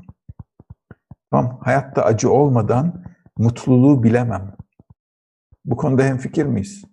Yani kıyaslamam gerek her şeyi dünyada. Realitede her şeyi kıyaslamam lazım. Kıyaslayarak iki koşulu kendime göre doğruyu, dengeliyi ya da istediğim şeyi netleştiriyorum. O yüzden iki zıt koşuldan hep realiteyi algılamam lazım. Bu nedenden dolayı kötülüğüm olmazsa iyiliğim hiç olmaz. Mümkün değil. O yüzden hayvanların içgüdüsel olarak öyle bir kötülüğü yok. Bitkilerin de yok, cansız seviyenin de yok. İçgüdüsel olarak belli bir dengede yaşıyorlar. Muhafaza ettikleri kendilerini bir dengede. İnsan kötü. Niye? Çünkü iyiliği kendi inşa etmek zorunda. O yüzden kötü olmak zorunda. Hayatta o yüzden kötülüğü silemeyiz. Başarılı da olamayız kötülüğü silmekte. İnsanoğlu bunu anlarsa o zaman hayata bakış açısı bambaşka olur. Çünkü o zaman kötülüğü yaşamasına gerek kalmadan iyiliği inşa edebilir. Neden? Çünkü kötülüğün farkındalığında olmam, kötülüğü yapmamı gerektirmiyor artık. Ama eğer bilincim orada değilse, kötülüğü yaşayarak kötülüğün var olduğunu anlayışa geliyorum ve ondan sonra ondan kaçmak istiyorum. Anlatabiliyor muyum ne demek istediğimi? O yüzden çalışırsa kişi maneviyatı, neyin kötü, neyin iyi olduğunu ayırt etmeye başlar ise kötülüğü fiziki olarak yaşamak zorunda değil. Bunu yapmadığı sürece hayat adamı hırpalamak zorunda. Dur mantıklı geliyor bana bakışlarınızdan kaybolduğunuzu anlıyorum. Hı? Kaybolduysanız sorun. Bu çok önemli bir konsept. Bunu oturtmamız lazım. İnsanoğlunun problemi bunu dengeleyememesi, anlamaması. Neden kötülüğün olduğunu anlayamıyor insanoğlu. Ve kötülük olmazsa iyiliği inşa edemeyeceğimizi anlar isek hayattaki kötülüğe ders bazında anlamlı bir gözle bakarız. Taşlanan bir köpek gibi kaçmayı bırakırız ve anlam vererek ilerleriz. Ve adamla hayvan arasındaki fark bu bilinçte, bu anlayışta. O yüzden kötülük asla, asla silinmeyecek. Çünkü iyiliğe asla gelemez adam. Bunu anlamanız, oturtmanız önemli. Anlamadıysanız sorun. Çünkü öteki türlü dengeli ilerleyemezsiniz maneviyatta.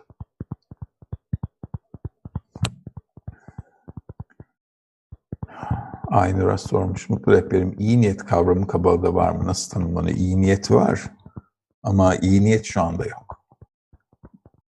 Egoist doğamız olduğu sürece iyi niyetli olamayız. Olamayız. O yüzden insan ne, ne diyorlar? Cennete giden şey cennete değil, cehenneme giden yol iyi niyetlerle döşenir diye.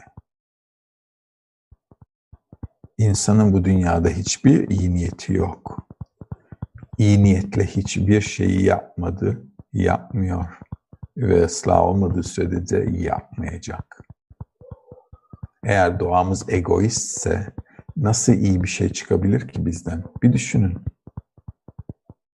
Egoizm demek başkasından alıyorum demek. Başkasından alıyorum demek, başkasında eksiklik yaratıyorum demek. Ve hepimiz başkasından alarak başkasında eksiklik yarattığımız için nasıl iyi bir niyet olabilir ki doğamız tümüyle kötü. İçin, içinde gram iyilik yok. Gram yok. Dünyanın hali böyle mi olurdu? Bir sorun kendinize dünyanın hali böyle mi olurdu diye. Eğer içimizde gram iyilik olsaydı. İnsanoğlu tüm dünyayı yiyip bitiriyor. Ve bir sonraki nesile ne kalacak şimdiki neslin umrunda bile değil. Yani yaptığı hiçbir şeyde iyi bir şey yok. Aramayın da bulamazsınız da yani arayın ama bulamazsınız. Ben baştan söyleyeyim.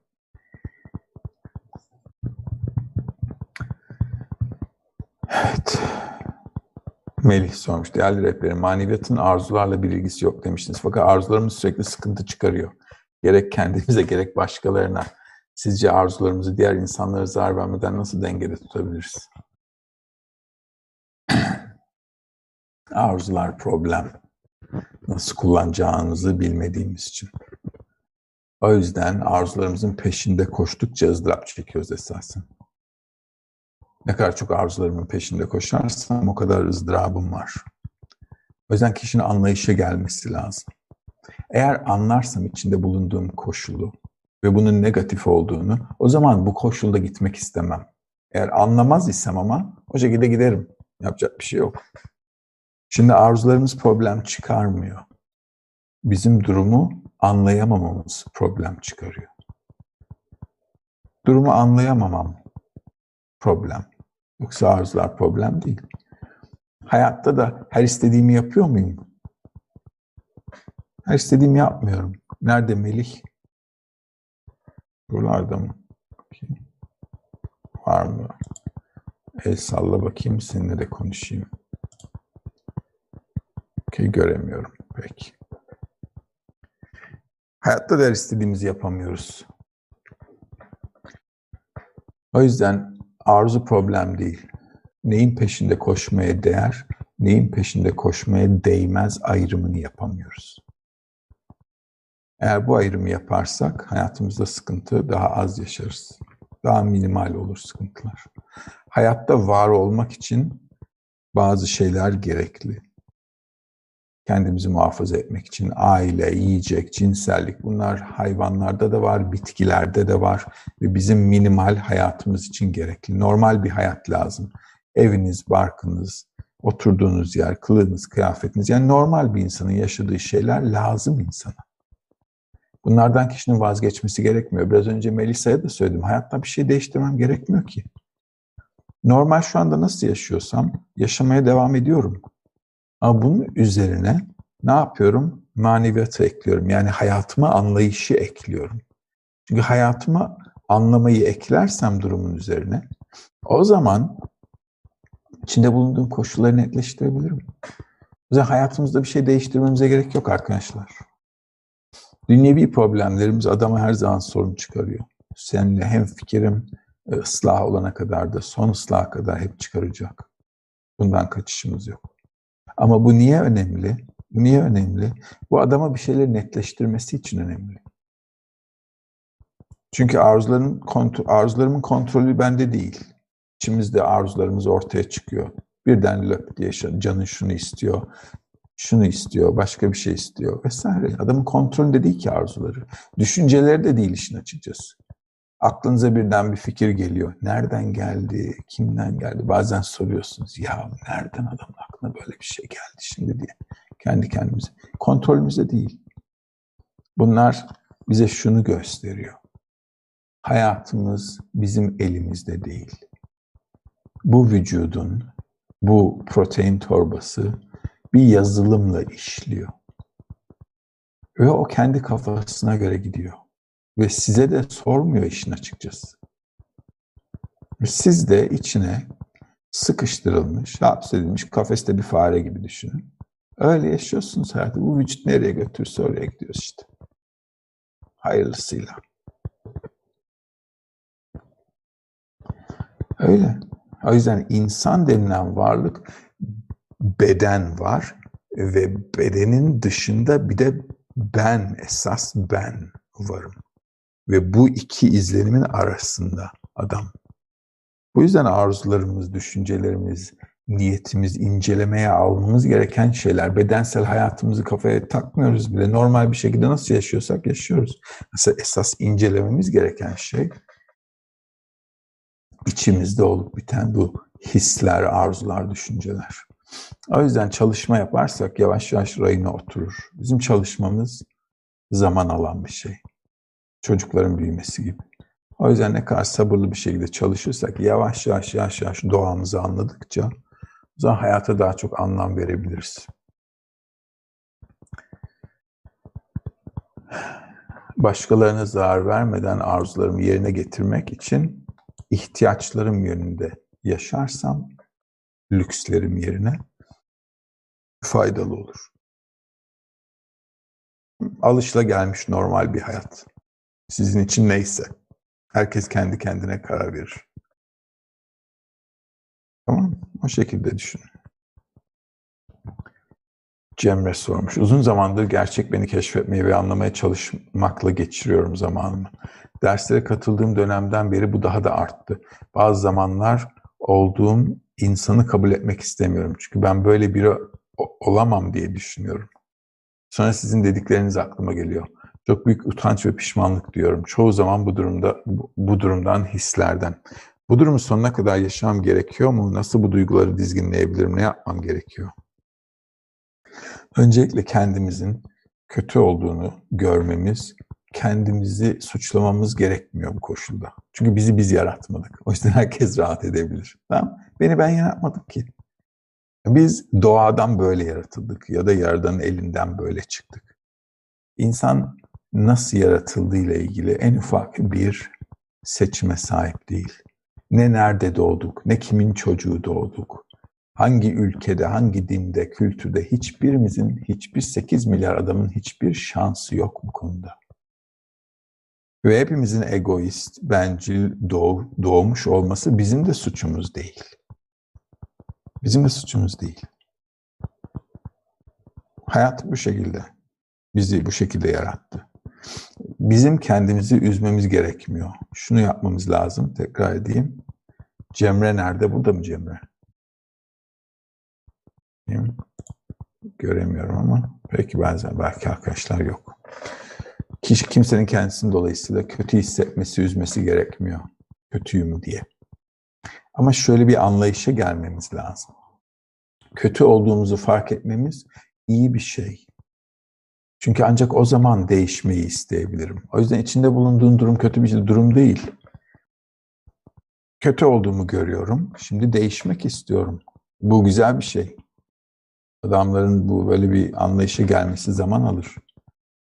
O yüzden anlaman güzel. Ama kendi kendini yemene gerek yok. Bizi biz yaratmadık. O yüzden kimse kendi kötü hissetmesin. Ama kötü olduğumuzu görmek değişmeyi istetir kişiye. O şekilde iyiliği inşa etmek ister.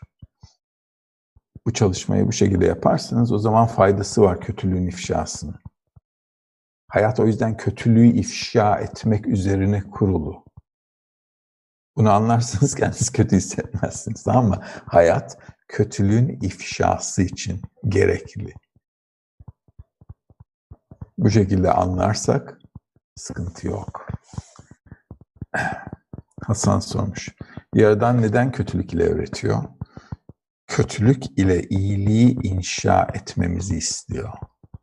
Bize iyiliği kendisi löp diye veremez. Verir ise önüne güzel yemekler konulmuş küçük bir fino gibi oluruz. Ve o küçük bir köpek yavrusu olmamızı istemiyor. Bunu net anlamanız lazım arkadaşlar. Evinizde hayvan varsa bilirsiniz o ilişkiyi. Ve Yaradan öyle bir ilişki istemiyor insanla. O yüzden Yaradan'ın işi çok zor. Düşünün ki çiftlikte yaşıyorsunuz ve vahşi bir eşeğiniz var. Ve kendi üzerinize bir proje aldınız. Bu vahşi eşeği insan gibi yapacağım projesi. Düşünün bakayım nasıl yapardınız? Problem. Yaradan'ın da öyle bir problemi var. Dalga geçmiyorum, çok ciddi söylüyorum. Öyle bir problem. Nasıl yapardık bunu? O yüzden bize ne yapmak zorunda? Kendinden bir parça vermek zorunda. Kalpteki nokta. Başka başlangıç noktamız yok. O olmasaydı zaten hiçbir şansımız yoktu. O yüzden o kişi için bir uyanış, bir başlangıç. Şimdi buradan bir şeyler yapabiliriz. Bu yüzden herkese kendinden bir parça verdim diyor. Mecburiyetten. Ama bu bizim işimizi iptal etmiyor. O yüzden adam olma işi kişinin çabasına bağlı. Ve o zaman bağımsız hissedebilirsiniz kendinizi. Kötülük karşılığında iyiliği inşa ederek. Yaradan mutlak iyilik. Peki ne yarattı? Eğer yaratan mutlak iyilik diye tarif ediliyor ise o koşulun dışındaki her şey ne olmak zorunda? Kötü olmak zorunda. Bazen diyorlar ya yani kötülüğü yaradan mı yarattı? E yani her şeyi o yarattı. Nereden? Kim yarattı? Her şeyi. O da. Kötülük de ondan.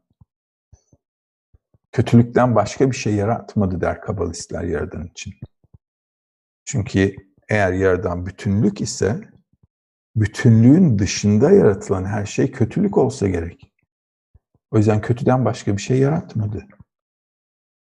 O yüzden iyiliği insan kötülükten kendi inşa ettiği zaman da insan ne olmuş oluyor?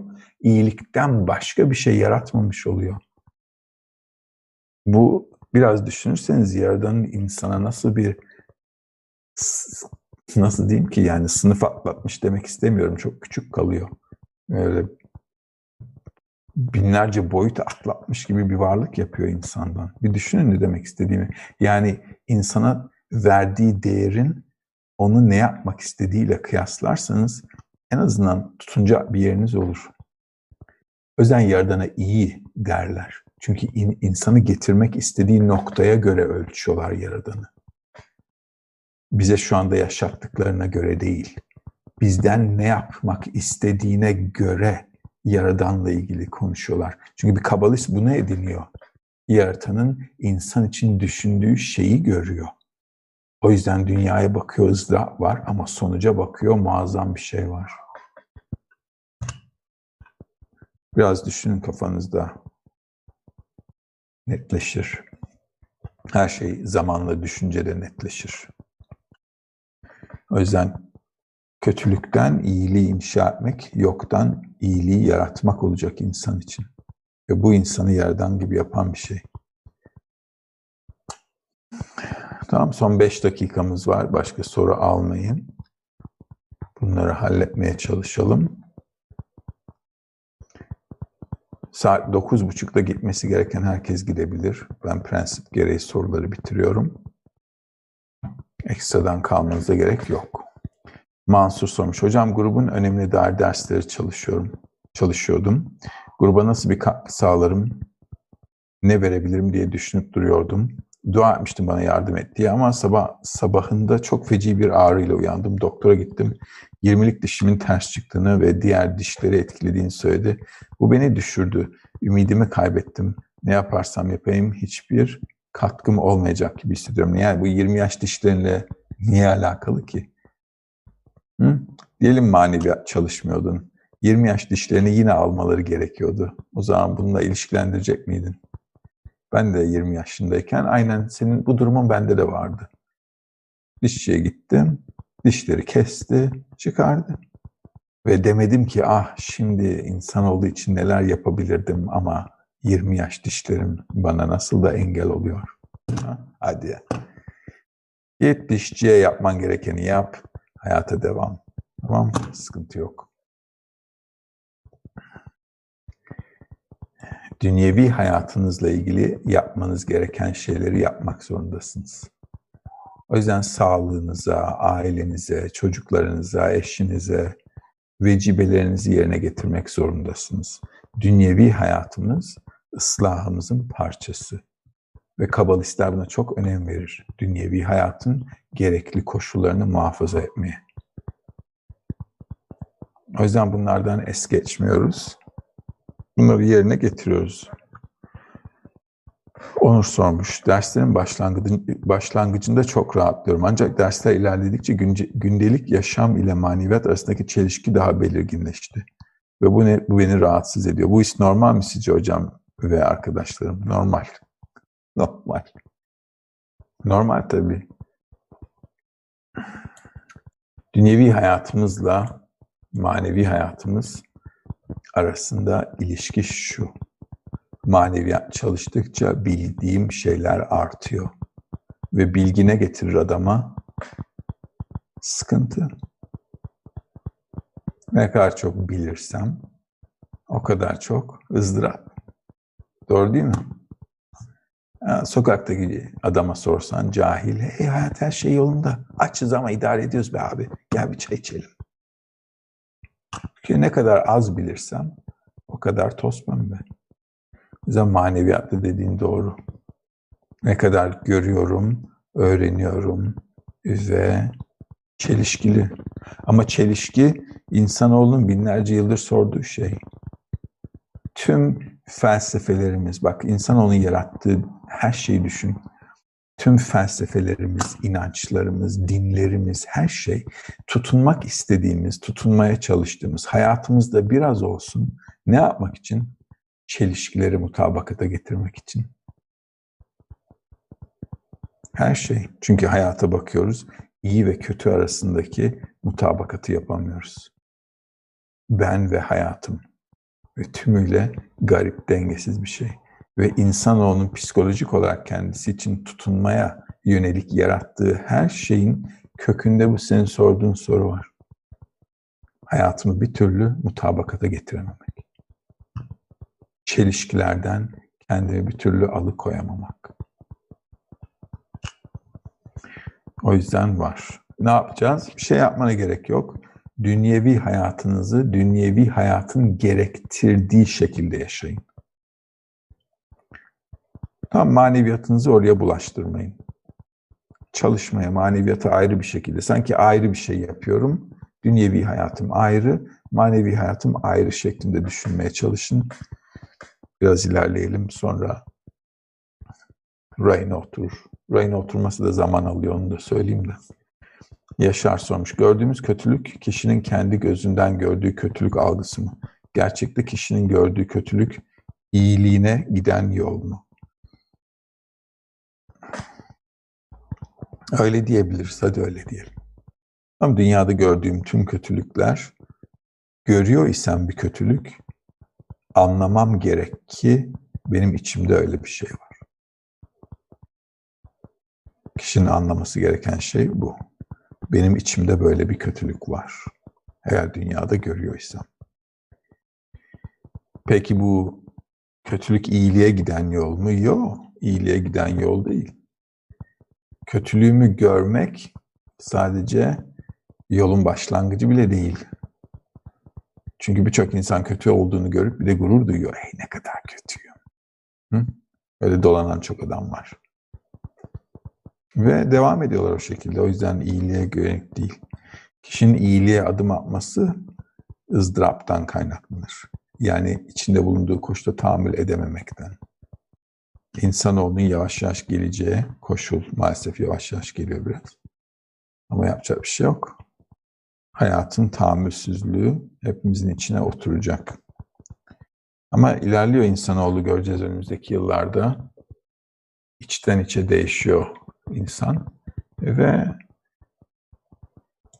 ilerliyoruz.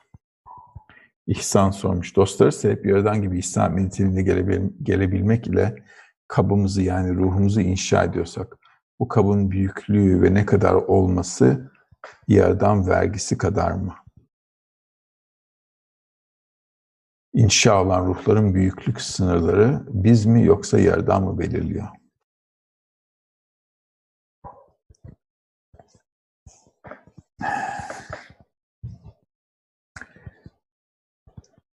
Her şey yerden belirliyor diyebiliriz. Tamam Ama kişi öyle olduğunu görmüyor. Diyebiliriz ki her şey yaradan yarattığı her şeyi tayin eden o ve yapacak bir şey yok.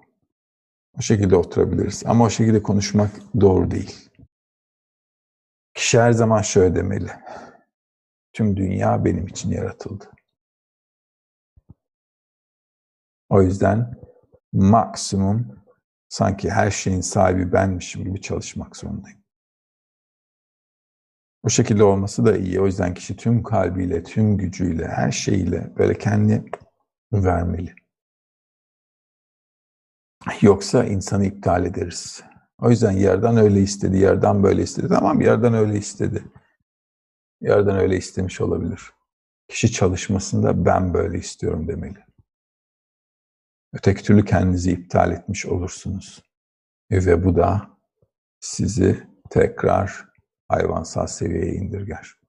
Adam Yaradan'la karşı karşıya olan. O ve ben. Yüz yüze, karşı karşıya. O yüzden kişi maksimum olacak şekilde çalışmalı hep. Çocuklarımıza da her şeyini ben tayin ettim ve sen şöyle olacaksın demiyoruz. Ne diyoruz çocuklara? Hey, her şey olabilirsin. Kalbini ve kafanı verdiğin zaman ve tüm çabanı o yöne koyarsan istediğin her şeyi olabilirsin. Sınır koymuyoruz çocuklara. Yani en azından ben koymuyorum. Hı? Çünkü doğada da öyle yok. Yerden de adama sınır koymuyor. Doğanın kanunlarında yok. O yüzden adama sınır koyulmaz. Siz de kendi kendinize koymayın. Meryem sormuş. Gerçek sevgiyi edinmek ve yaşamanın nasıl olduğunu tanımlayabilir misiniz? Tatmadığın yemeği sana tarif edemem Meryem. O yüzden gel gör, tat ve de ki ha, bu sevgi. Bizim dünyamızda hiç kimseye lafla his aktaramayız. Hiç kimseye aynı şeyi yemeden konuşmamız bile uygun değil.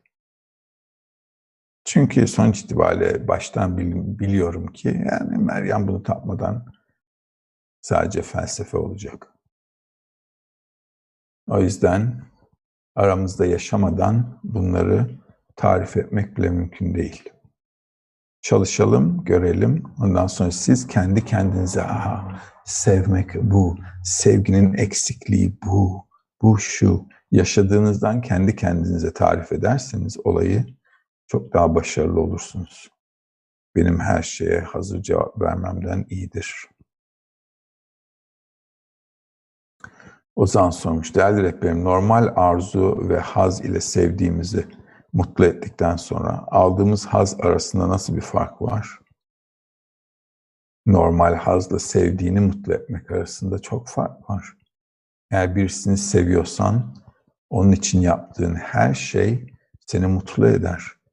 Kendin için yaptığın şeyde kendi arzunu doldurduğun zaman haz bitiyor. Ama başkasının hazları bitmez ki. İnsan alma arzusu. Dolayısıyla hazlarının, arzularının sonu yok. O yüzden birisini seviyorsam onun kalbinde her zaman doldurabileceğim bir boşluk var. O zaman haz sevgiden dolayı sınırsız olur. Öyle değil mi? Yanlış mı anlıyorum? Ya da yanlış mı? Siz söyleyin bana. Ha? Hiç kimse kimseyi sevmemiş gibi bakıyor bana. Hiç sevdiğiniz birileri yok mu hayatta? Hı? Yok herhalde pek. Ne diyeyim? Ha, o zaman sevince anlarsınız. Ama durum bu. Ve eğer önümde bir kişi değil, sevdiğim on kişi varsa ve eğer onları çok sevdiğim için onların iyiliğini, iyilikleri için bir şey yapıyorsam, sevgimin, hissettiğim hazın sınırı ne? Sınırsız. Sınırsız. Çünkü herkese alma arzusu. Niye yerden herkese alma arzusu yarattı? Herkes diğerini beslesin diye. O yüzden aramızda sevgi olursa herkes başkasına bakmaktan haz duyar. Annenin çocuğa bakmasından haz duyduğu gibi. Ne haz alıyor kakasını değiştirmekten sürekli? Hı? Ne haz alıyor? Ama diyor ki vay canımın kakası bile güzel kokuyor. O kadar şirin ki. Öyle. Öyle ben evde öyle duyuyorum. Hı? Niye? Çünkü sevgi var. Ve o sevgi gözünde kötü bir şey göstermiyor. Onunla ilgili kötü en ufak bir şey göremiyorsun. O yüzden haz var. En pis işlerini yapsam bile haz var. Ve o zaman dediğim gibi sınır yok. Bu yüzden sevgide sınır yok. Kendimi sevmekte çok sınır var ama. Kendimi bir tabak yemek kadar doldurabilirim. O kadar. Sonra bitti. Necdet sormuş. Sevmeyi beceremiyorum ama nefret etmekten kurtuldum. Bu yetersiz mi? Ay, merak etme Necdet. Biraz daha çalış bizimle. Nefrete de gelirsin. Sevgiden de hiç bir tünelin ucunda ışık da görmezsin. Yavaş yavaş gerçeğe geliriz. Sevmeyi hiç kimse beceremez. Biz sadece kendimizi sevmeyi beceriyoruz. Onu da yarım yamalak yapıyoruz. Yani hayatımız o yüzden de yarım yamalak. Biraz çalış, gör ki nefret etmekten de kendini kurtaramazsın. Furkan sormuş, koşulsuz sevgi imkansız değil mi? Senin için imkansız Furkan. Ne diyeyim? Bye bye diyelim istiyorsan sana. Eğer bir şeyi imkansız gözüyle bakacaksan imkansız. O zaman maneviyatla çalışmayın. Ben bunu yapamam diyorsa adam yapmasın. Net. Eğer çalışmayı yapacaksanız, hayatta herhangi bir şey yapacaksınız. Her şey için. Bir şeye başladığınız zaman başlayacaksınız. Ben bunu yapacağım diye başlayın. Yapamam, edemem diye başlarsanız başlamayın. Çünkü burada takılırsınız. Ondan sonra olmuyor, olmuyor der. Mutsuzluk içinde solarsınız ve gereksiz olur. Onun yerine git dünyevi hayatını yaşa, keyfini çıkar, tadın dibini gör ve mutluluklar dileriz. Sıkıntı yok.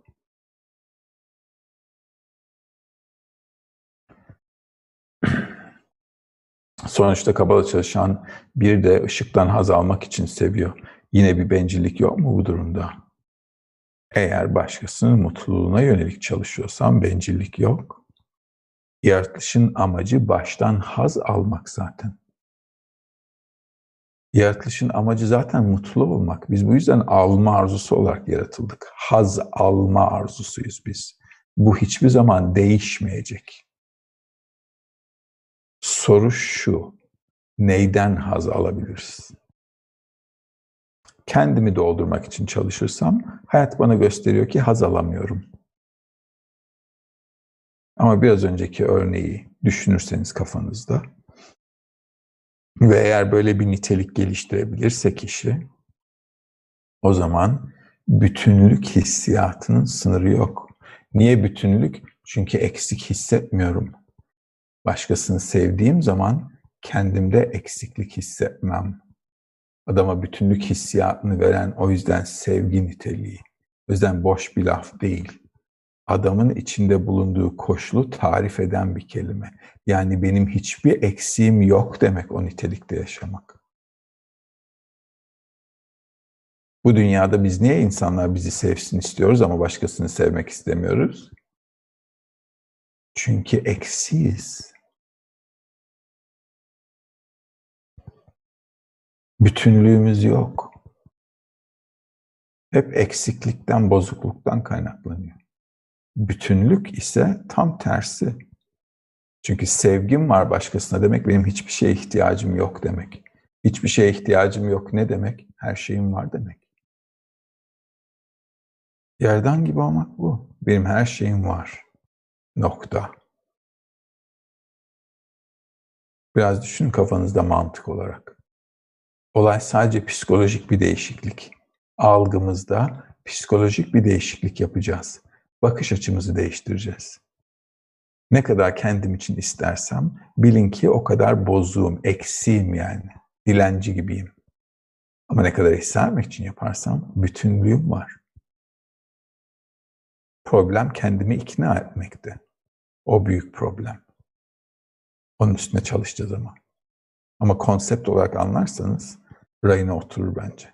Biraz düşünün dediklerim. Herkesin bir not defteri var mı?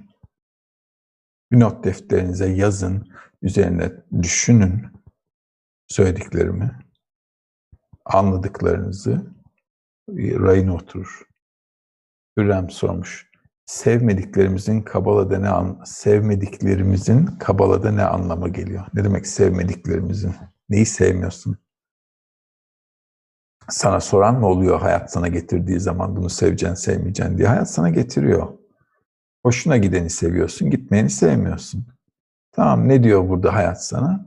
Demek ki anlamıyorsun. Çünkü sevmediğin şeyler var. Okey bu anlamadığım anlamına geliyor. Ama eğer arkadaki anlayışı anlasaydım yani arkadaki beni getirmek istediği şey yani bana hayatımın getirdiği zorlukların beni nereye getirmesini gerektiğini görseydim önceden koşa koşa giderdim. Sorun yok derdim. Tamam. Sorunumuz ne? Nereye gideceğimizi, Yaradan'ın bizi nereye götürmek istediğini görmüyoruz. Görmediğimiz için problem. O yüzden adam ayaklarını sürükleye sürükleye, o da getirebilirse sürükleye sürükleye. Çok adam yoldan kaçar bizim işte biliyorsun. O durumda. Neden bu şekilde olması lazım? Niye yerden adama koklatmıyor? Çünkü biraz önce dediğim örnek gibi hayvanlara nasıl veriyoruz bir şeyi? Koklatarak veriyoruz. Ha? Öyle değil mi? Köpek bisküvisi verdiğiniz zaman abi geliyor kokluyor şöyle bir. Yerden koklatmıyor adama. Biraz önce dediğim şey gibi. Çünkü ondan bir köpek yapmak istemiyor. O yüzden problemlerimiz var mı? Var. Niye var? Henüz bilmiyoruz neden var. Ama öğreniyoruz ki yaratılışın bir amacı var. Ve eğer bu öğrendiğimiz şey içime siniyor ise, içime siniyor ise zannediyorum ki ya bu yapmam gereken bir şey. Bunu halletmem lazım. Özen çalışma adamın kalbinin rahat ettiği yerde olur. O yüzden biliyorum, bilmiyorum. Adam iki ara bir derede. Biliyorum ya da bilmiyorum ama içim rahat ediyor mu çalışmada? Yani sorduğum soruya aldığım cevap beni tatmin ediyor mu? Eğer tatmin ettiyse zaman zaman karar verebilir. Ondan sonra yaşadıkları adamı tatmin etmeyecek. Baştan da söyleyeyim herkese de haberiniz olsun. Neden? E çünkü tatmin ede ede olsaydı yine bisküviti size koklatıyor olacaktı. Öyle değil mi? O yüzden ne yapıyor? Adamı getiriyor. İyi bir hissiyat veriyor. Diyor ki ya bu çalışma yapmaya değer. Bu içime sindi. Daha sonra içine hiçbir zaman sindirmez çalışmayı. Çünkü sindirirse önüne kemik atmış gibi olur. Aynen o şekilde. Ve istiyor ki adam öyle olmasın. Çalışmayı birçok insan bırakmasının sebebi bu. Adam, adam olmak istemiyor. İstiyor ki hazlarım tatmin olsun, arzularım tatmin olsun. Bir kedi gibi, bir kedi gibi kalayım. Değil mi? O şekilde. Ve sıkıntı.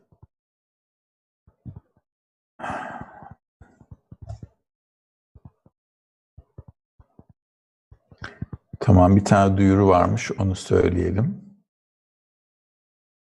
Facebook grubuna katılmak istiyorsanız arkadaşlar em.kabala.info.tr'ye mail gönderirsiniz. Göndere, gönderir, gönderebilirsiniz.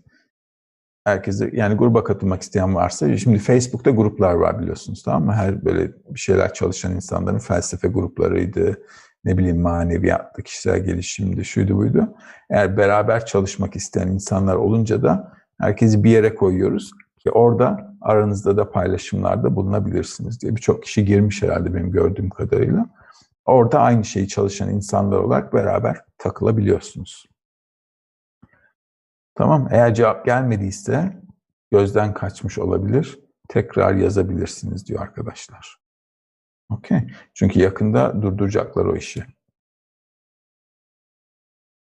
Ders sırasında gelen konu dışı sorular. Betül sormuş.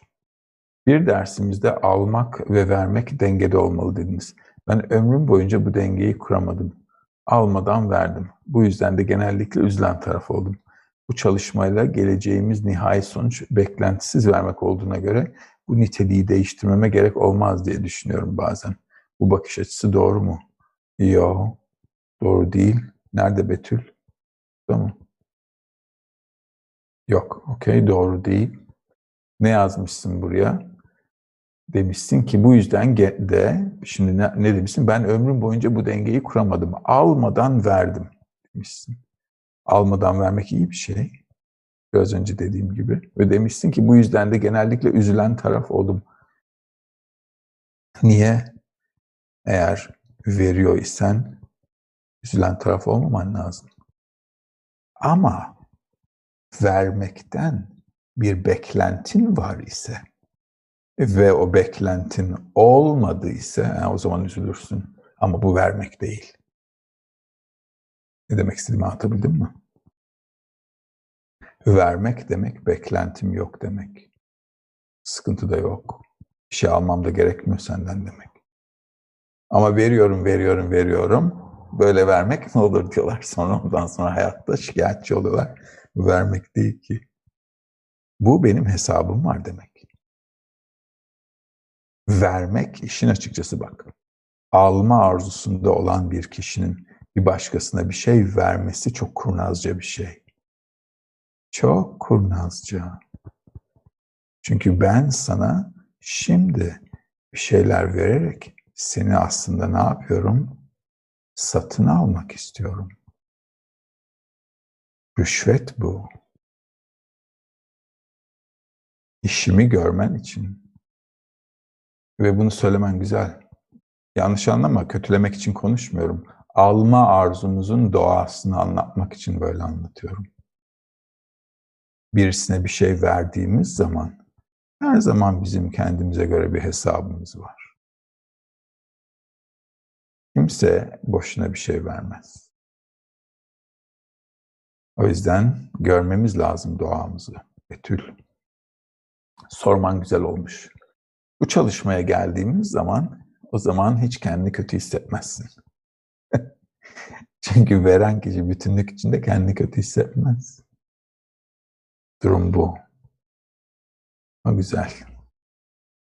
Yüzden bakış açısı doğru değil. Candaş sormuş. Realitenin algılanması dersinde sadece ben ve yaradan var demiştik. Yani dışarıda gördüklerimiz bir hayal alemi. Siz de benim rüyamdasınız ve bana bir şeyler öğretiyorsunuz. Siz benim rüyama dahil olup bu rüyadan uyanmam için mi benim benim alanıma dahil oldunuz? Eğer yaşadığımız şey sadece içimizdeyse, yolda, rehberde hiçbirinin de gerçekte olmaması lazım. Aslında yolun sonunun varacağı yerin kendimiz olması gerekmez mi? Yani candaş birçok şey gerekmez mi, olmalı değil mi diye söyleyebilirsin. Ama yarın işe gittiğin zaman patron biraz silkelediği zaman sen de benim bir hayal ürünümsün biliyor mu demeyeceğin gibi bana da deme. Çünkü hayattan tokat yediğimiz zaman hayat öyle hayalmiş gibi gelmiyor adama. Hı? O yüzden hayata gerçekçi yaklaşmamız lazım. Ne demek yerdandan başkası yok? Hı? Bir düşünelim biraz. Her şey benim içimde hissettiğim bir dünya ne demek? Her şey benim içimde hissediyorum demek. Hayatın bana getirdikleri benim içimde bana hisler veriyor demek. İyi, kötü, güzel, çirkin vesaire. Yani hayatı içimdeki hislerde yaşıyorum demek. Peki dışımızda neden her şeyi yaratan diyoruz? Çünkü hayatımın bana getirdikleri üzerinde bir kontrolüm yok ki. O yüzden ister yaradan de, ister hayat de, ister doğa de, ister hasbel kaderde.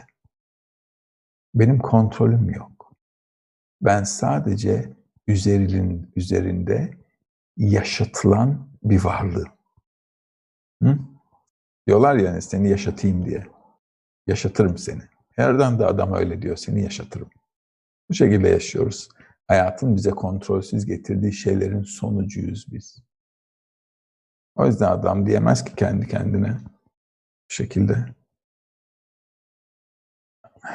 Biraz gerçekçi bakmamız lazım olaya.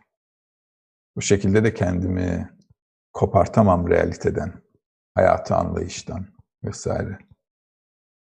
Gerçekçi olmamız lazım. Ben varım, tüm realite var. Tüm realitenin benim üzerimde işleyişi var. Ve dolayısıyla benim bu işleyişten aldığım hisler var. Ve ben hesap yapmam lazım şimdi. Bu yaşadıklarımdan ne yapmam lazım? Bazı insanlar bu hesabı yapar, çalışır. Bazıları da nasıl yaşıyorlar? Allah'ına kurban yaşıyorlar. O şekilde hayat ne getirdiyse yaşıyor, geçiyor, gidiyor adam.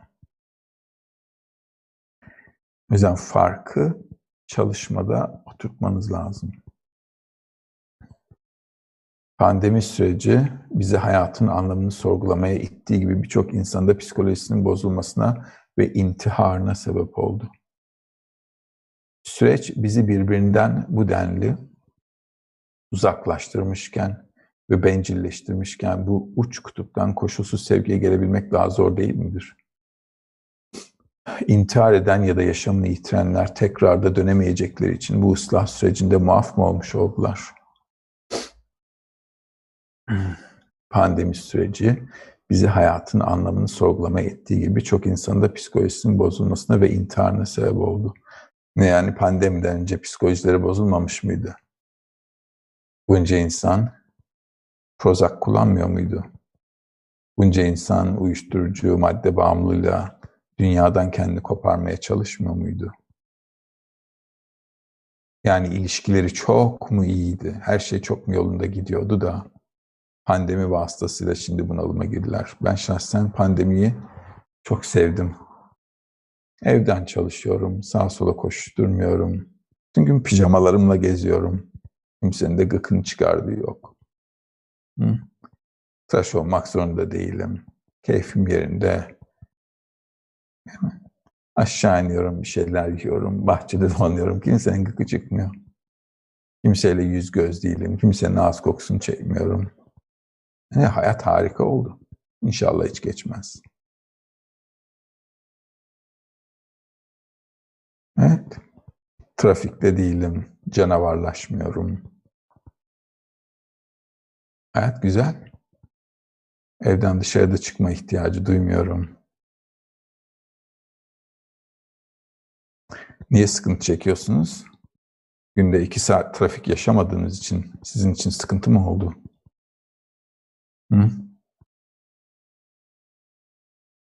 El alemle bütün gün çatışma halinde. İşte patron, şurada şu, şurada bu. Yani sıkıntısız bir hayatınız mı vardı? Tam tersine pandemi geldi, sıkıntılarım azaldı. Azaldı. Neye ihtiyacımız varmış?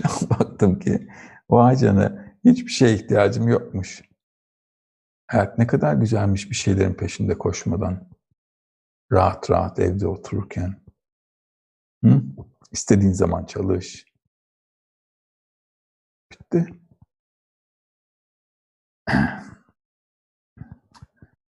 O yüzden seninle en fikir değilim. Süreç bizi birbirinden bu düzenli ulaştırmışken, niye bu kadar yakınken birbirimizi daha çok rencide ediyorduk? İnsanlar birbiriyle yakınken daha çok kavga, münakaşa ediyordu. Öyle değil mi? İş yerinde, dışarıda, şurada, burada. Neyiniz eksik ki? Yani gençler için hem fikrim. Tamam mı? Piyasa koşulları değişti çünkü gençler için artık. Yani gençseniz, bekarsanız hayat iyice zorlaştı. Okay, yapacak bir şey yok. Ama bir konsept olarak düşünürseniz pandemi herkesi biraz rahatlattı. Gençler için üzgünüm. 80'li yıllarda genç olmalıydınız. Şimdi intihar eden ya da yaşamını yitirenler tekrar dönemeyecekleri için bu ıslah sürecinden muaf mı olmuş oldular? Yo. Niye muaf olsunlar? ızdırap ıslahın parçası. Hiç kimse, size garanti veriyorum, hiç kimse hiçbir şeyden Yaradan'ın gözünde muaf olmayacak. Aklımıza getirmeyelim bile. Yok öyle bir şey. Herkes yapması gerekeni yapmak zorunda kalacak. Ölüm de yok. Burada ölüm yok diyorum ama gerçi yani öldüğünü görüyoruz insanların ama konsept olarak düşünmeniz lazım. Bedenimizde de hücreler ölüyor ve yenileri doğuyor. İnsanoğlu da aynı şekilde ölüyorlar, yenileri geliyor. O yüzden bir, vücut, bir, bir beden gözüyle bakın realiteye. Parçacıklar gözüyle değil. Öteki türlü işin içinden çıkamazsınız. Ölüm çözüm de değil. İnsanlar sanıyor ki öleyim, dert bitsin ve bu çözüm değil. Sadece nerede ve nasıl var olduğunu anlamadığı için böyle saçma bir karar alıyor. eğer realitenin nasıl inşa edildiğini görmüş olsaydı herkesin ağa yakalanmış birer balık gibi olduğunu görürdü. Ve hiç kimsenin kaçacak hiçbir yeri de yok. Hiçbir yeri. O yüzden biz sanıyoruz ki bu bedensel hayattan kurtulursak rahat ederiz. Kaçış yeri yok. Kişinin kaçması sadece yaratılışın amacına gelmesiyle olur. Başka hiçbir şekilde değil. Vücudunuza da öyle çok önem vermeyin. Üzerinize girdiğiniz gömlekten bir farkı yok. O da eskiyince onu da çöpe atıyorsunuz. Bu da eskiyince bunu da çöpe atıyorlar. Ama bu demek değil ki gömleğinizi çöpe atınca sizin de hayatınız çöpe atılıyor. Aynı mantık. O yüzden kişinin gideceği bir yer yok. Bu intihar edenlerin de bu dünyadan kurtulayım ve rahatlayayım diye düşüncesi son derece çocukça bir düşünce. Tümüyle nerede ve nasıl yaşadıklarıyla ilgili en fikri olmayan insanlar. Gülseren sormuş. Mutlu Bey dersleri rahatlıkla anlıyorum. Yer yer düşsem de burada bulunmaktan mutluyum. Ancak içimde korkunç bir baskı ve stres var. Hakikat bilgisine edilmeden dünya üzerinde küresel bir felaket olacağından, yaşamdan kopacağımızdan korkuyorum. Ve bu korkuyla baş edemiyorum.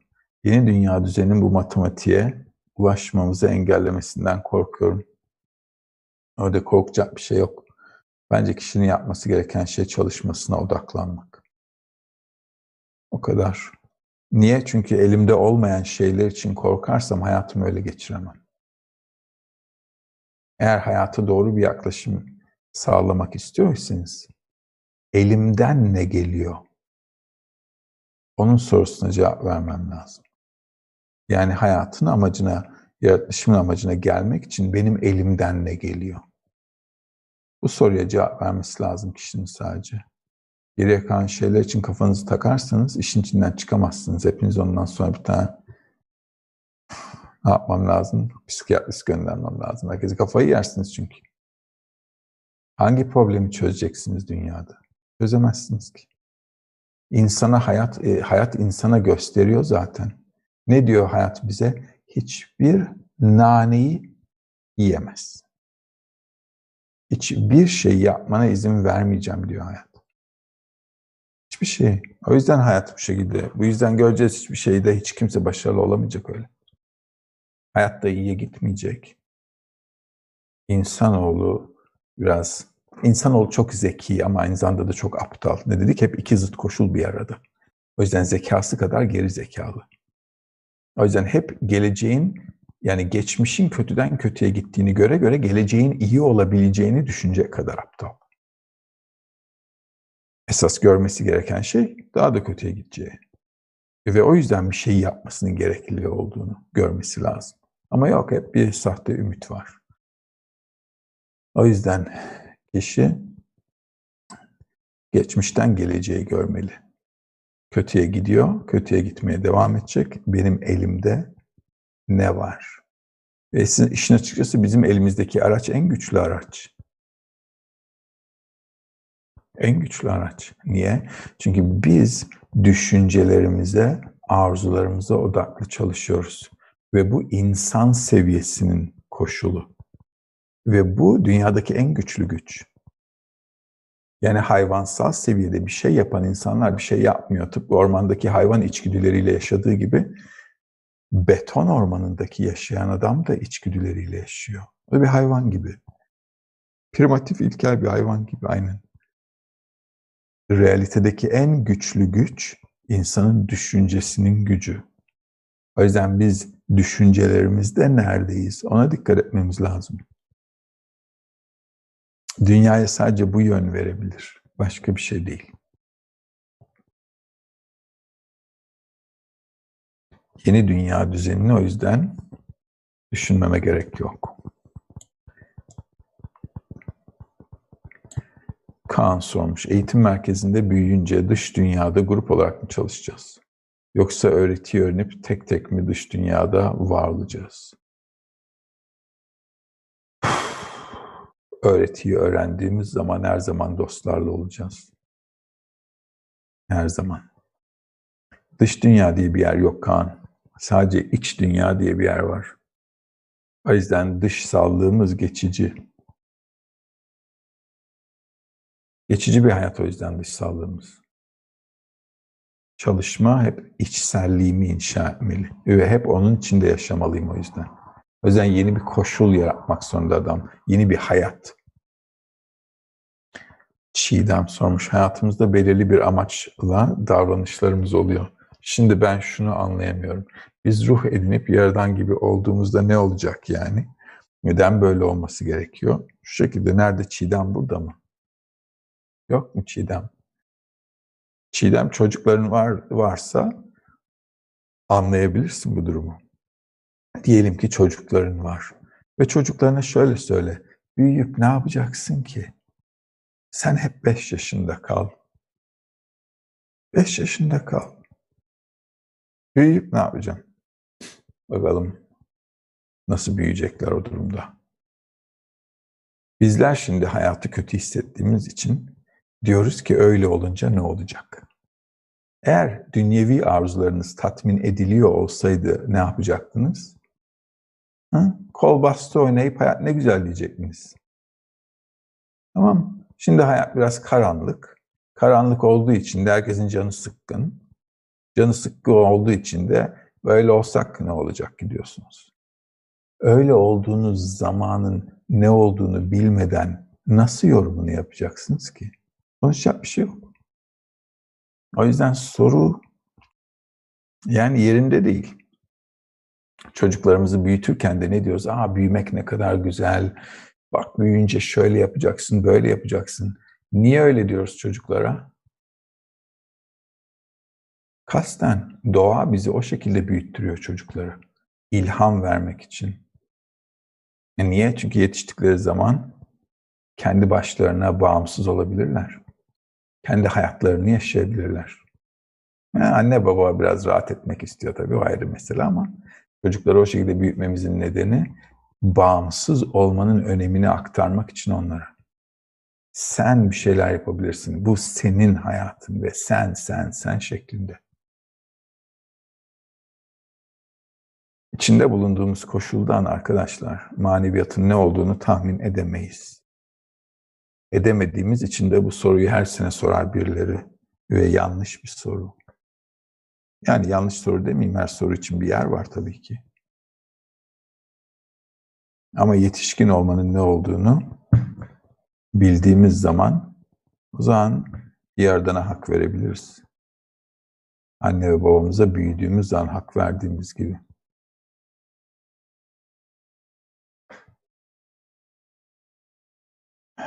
Yaradan gibi olduğumuzda ne olacak? Neden böyle olması gerekiyor? Bunu anlamadan hedefim nasıl tahmin, nasıl tahmin edici olacak ki? Bunu anlamadan hayatımızda hiçbir şeyi anlamadan peşinde koşuyoruz.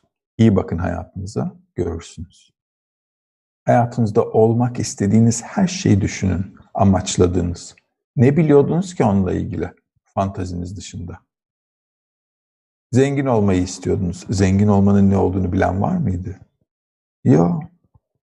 Sadece kafanızda zengin olursam şunları yaparımın hayali vardı. Ama hiçbir zaman zengin olmanın ne olduğunu bilmeden onun peşinde koştunuz. Ünlü olmak istediniz. Ünlü olmak istediniz. Çünkü kafanızda ünlü olmanın ne olduğuna dair bir fantaziniz vardı. Ve bunlar alma arzumuzu tatmin ettiği için onların peşinde koştuk. Aynen kedi köpek gibi. Peşinde koştuk kemiklerin. Şimdi diyorsunuz ki, e bunu bilmiyorum. E bunu bilemezsin tabii. Onların da ne olduğunu bilemezdin. Zaman adam ne olmak istediğiyle ne olduğu arasında bir fikri yok. Meslek seçerken de öyle. Kafanızda ne bileyim doktor olmak, ne avukat olmak, ne bir fantazi vardı. Girdiniz mesleğe gördünüz ki fantaziyle hesap aynı tutmuyor. Yanlış hesap yapmışız. Ne oldu? Dört yıl gitti. Kimse hayatıyla ilgili ne bir şey bilmiyor. Doktor olursanız daha da kötü. 6 yıl gitti, 8 yıl gitti, uzman oldum 10 yıl gitti. Öyle öyle gitti. Durum bu. Kişi hiçbir zaman hesap yapamaz doğru düzgün. Bunu da yerden özellikle göstermiyor bize. Biraz önceki söylediğim muhabbetten dolayı. Kendi hayatımızı kendi inşa edecek yerimiz olmaz öteki türlü. Adama gösterirse.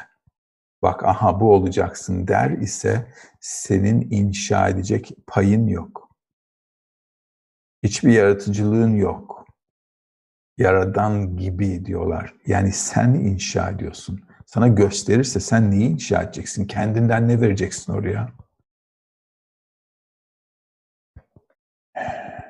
Yerden anlamamız biraz zor ama bir düşünün biraz. Kendinizin bir dünya inşa ettiğiniz- et, etmesini düşünün.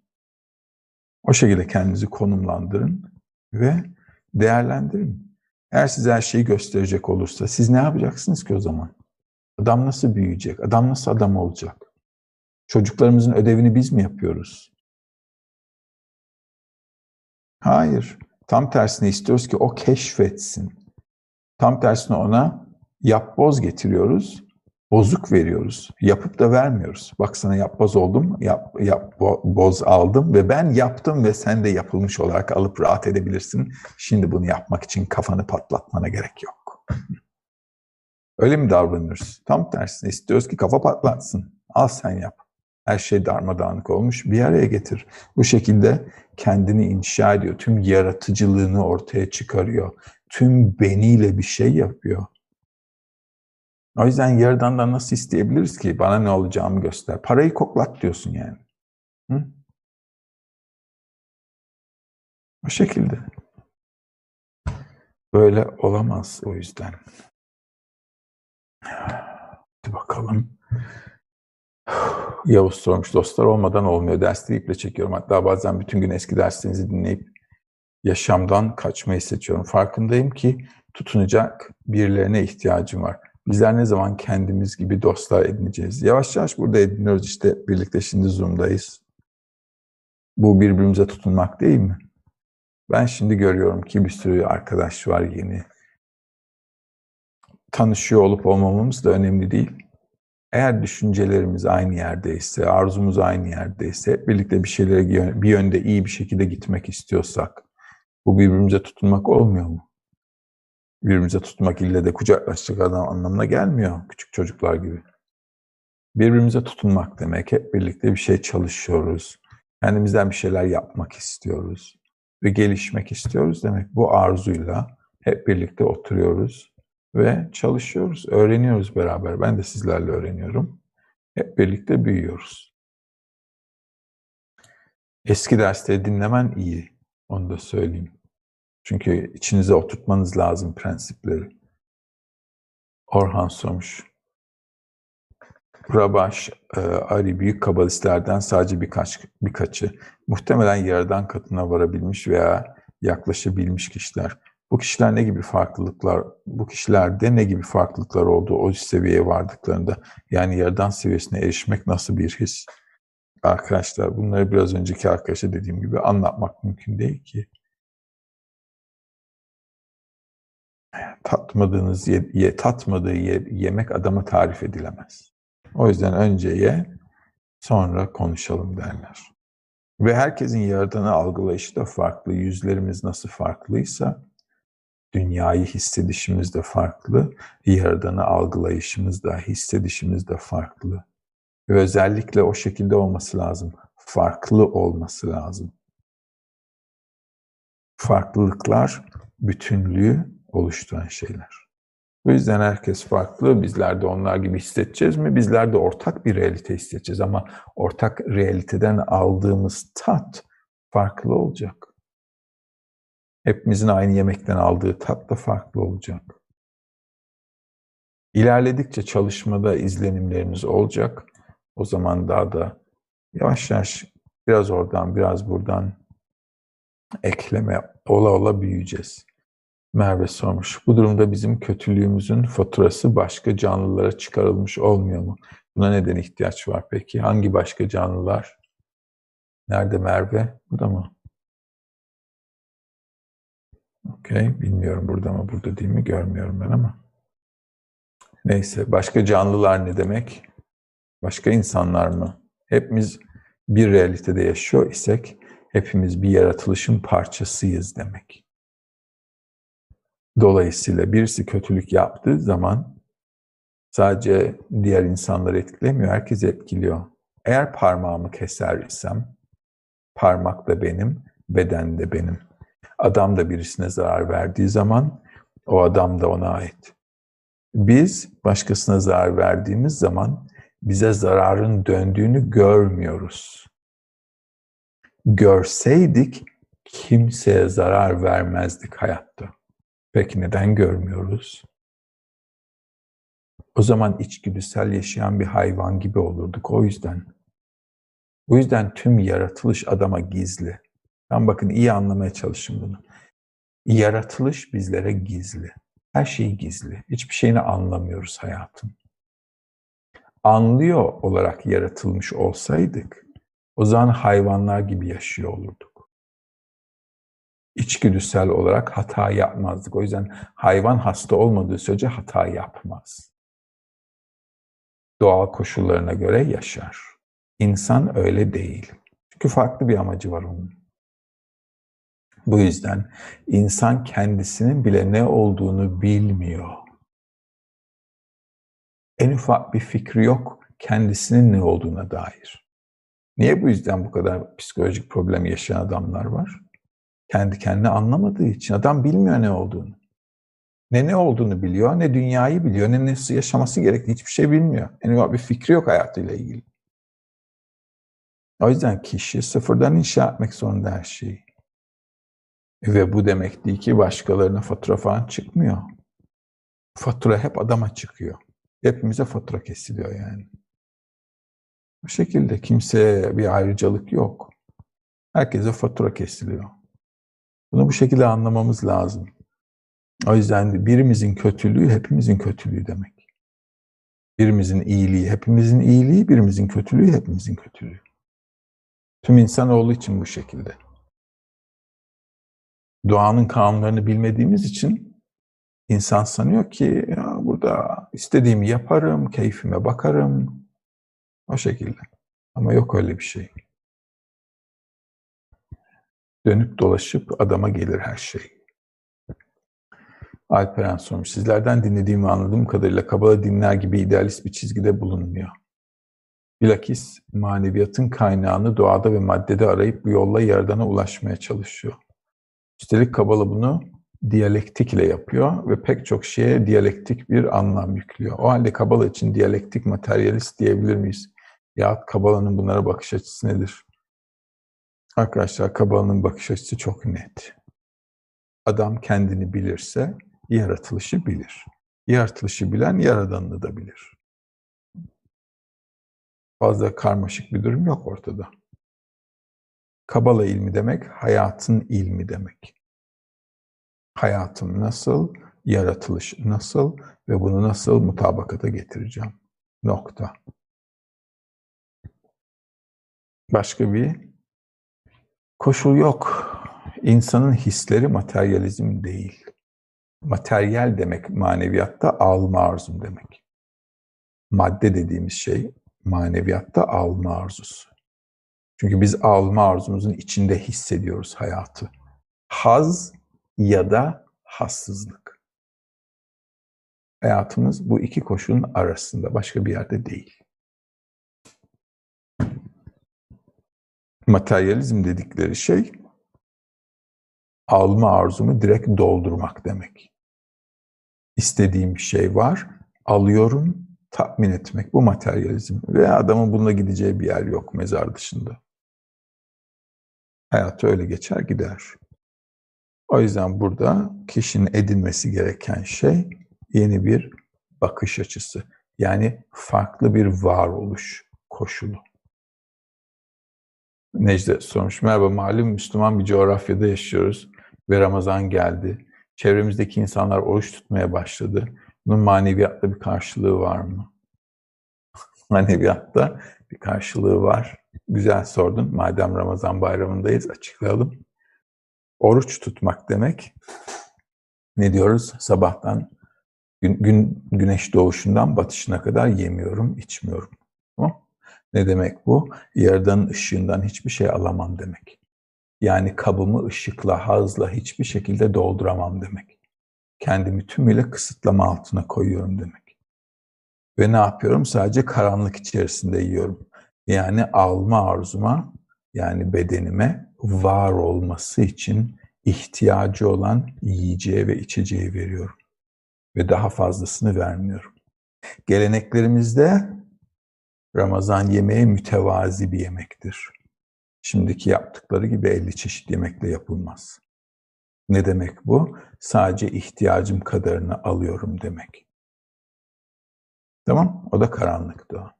Yani alma arzum kısıtlama altında. Bu demek Ramazan.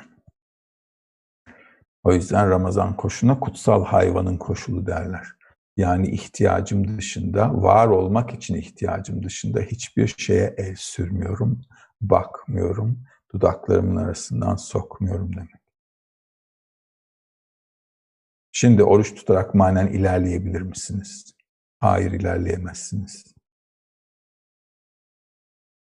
Binlerce yıldır bunu yapıp ilerlemeye çalışıyorlar. Ne hale geldiklerini görüyoruz.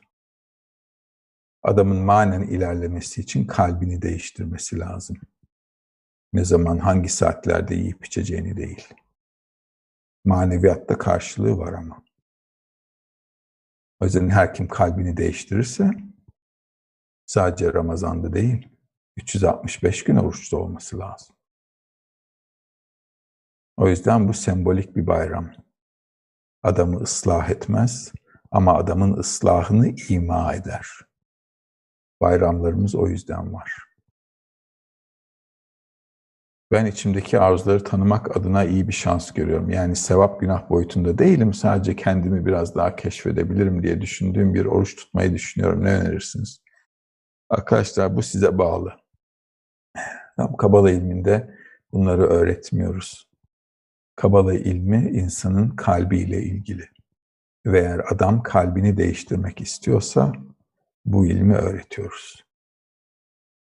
Tamam O yüzden bedensel hayatınız, dini ve cibeleriniz, benim bunların hepsine saygım var. Sıkıntı da yok.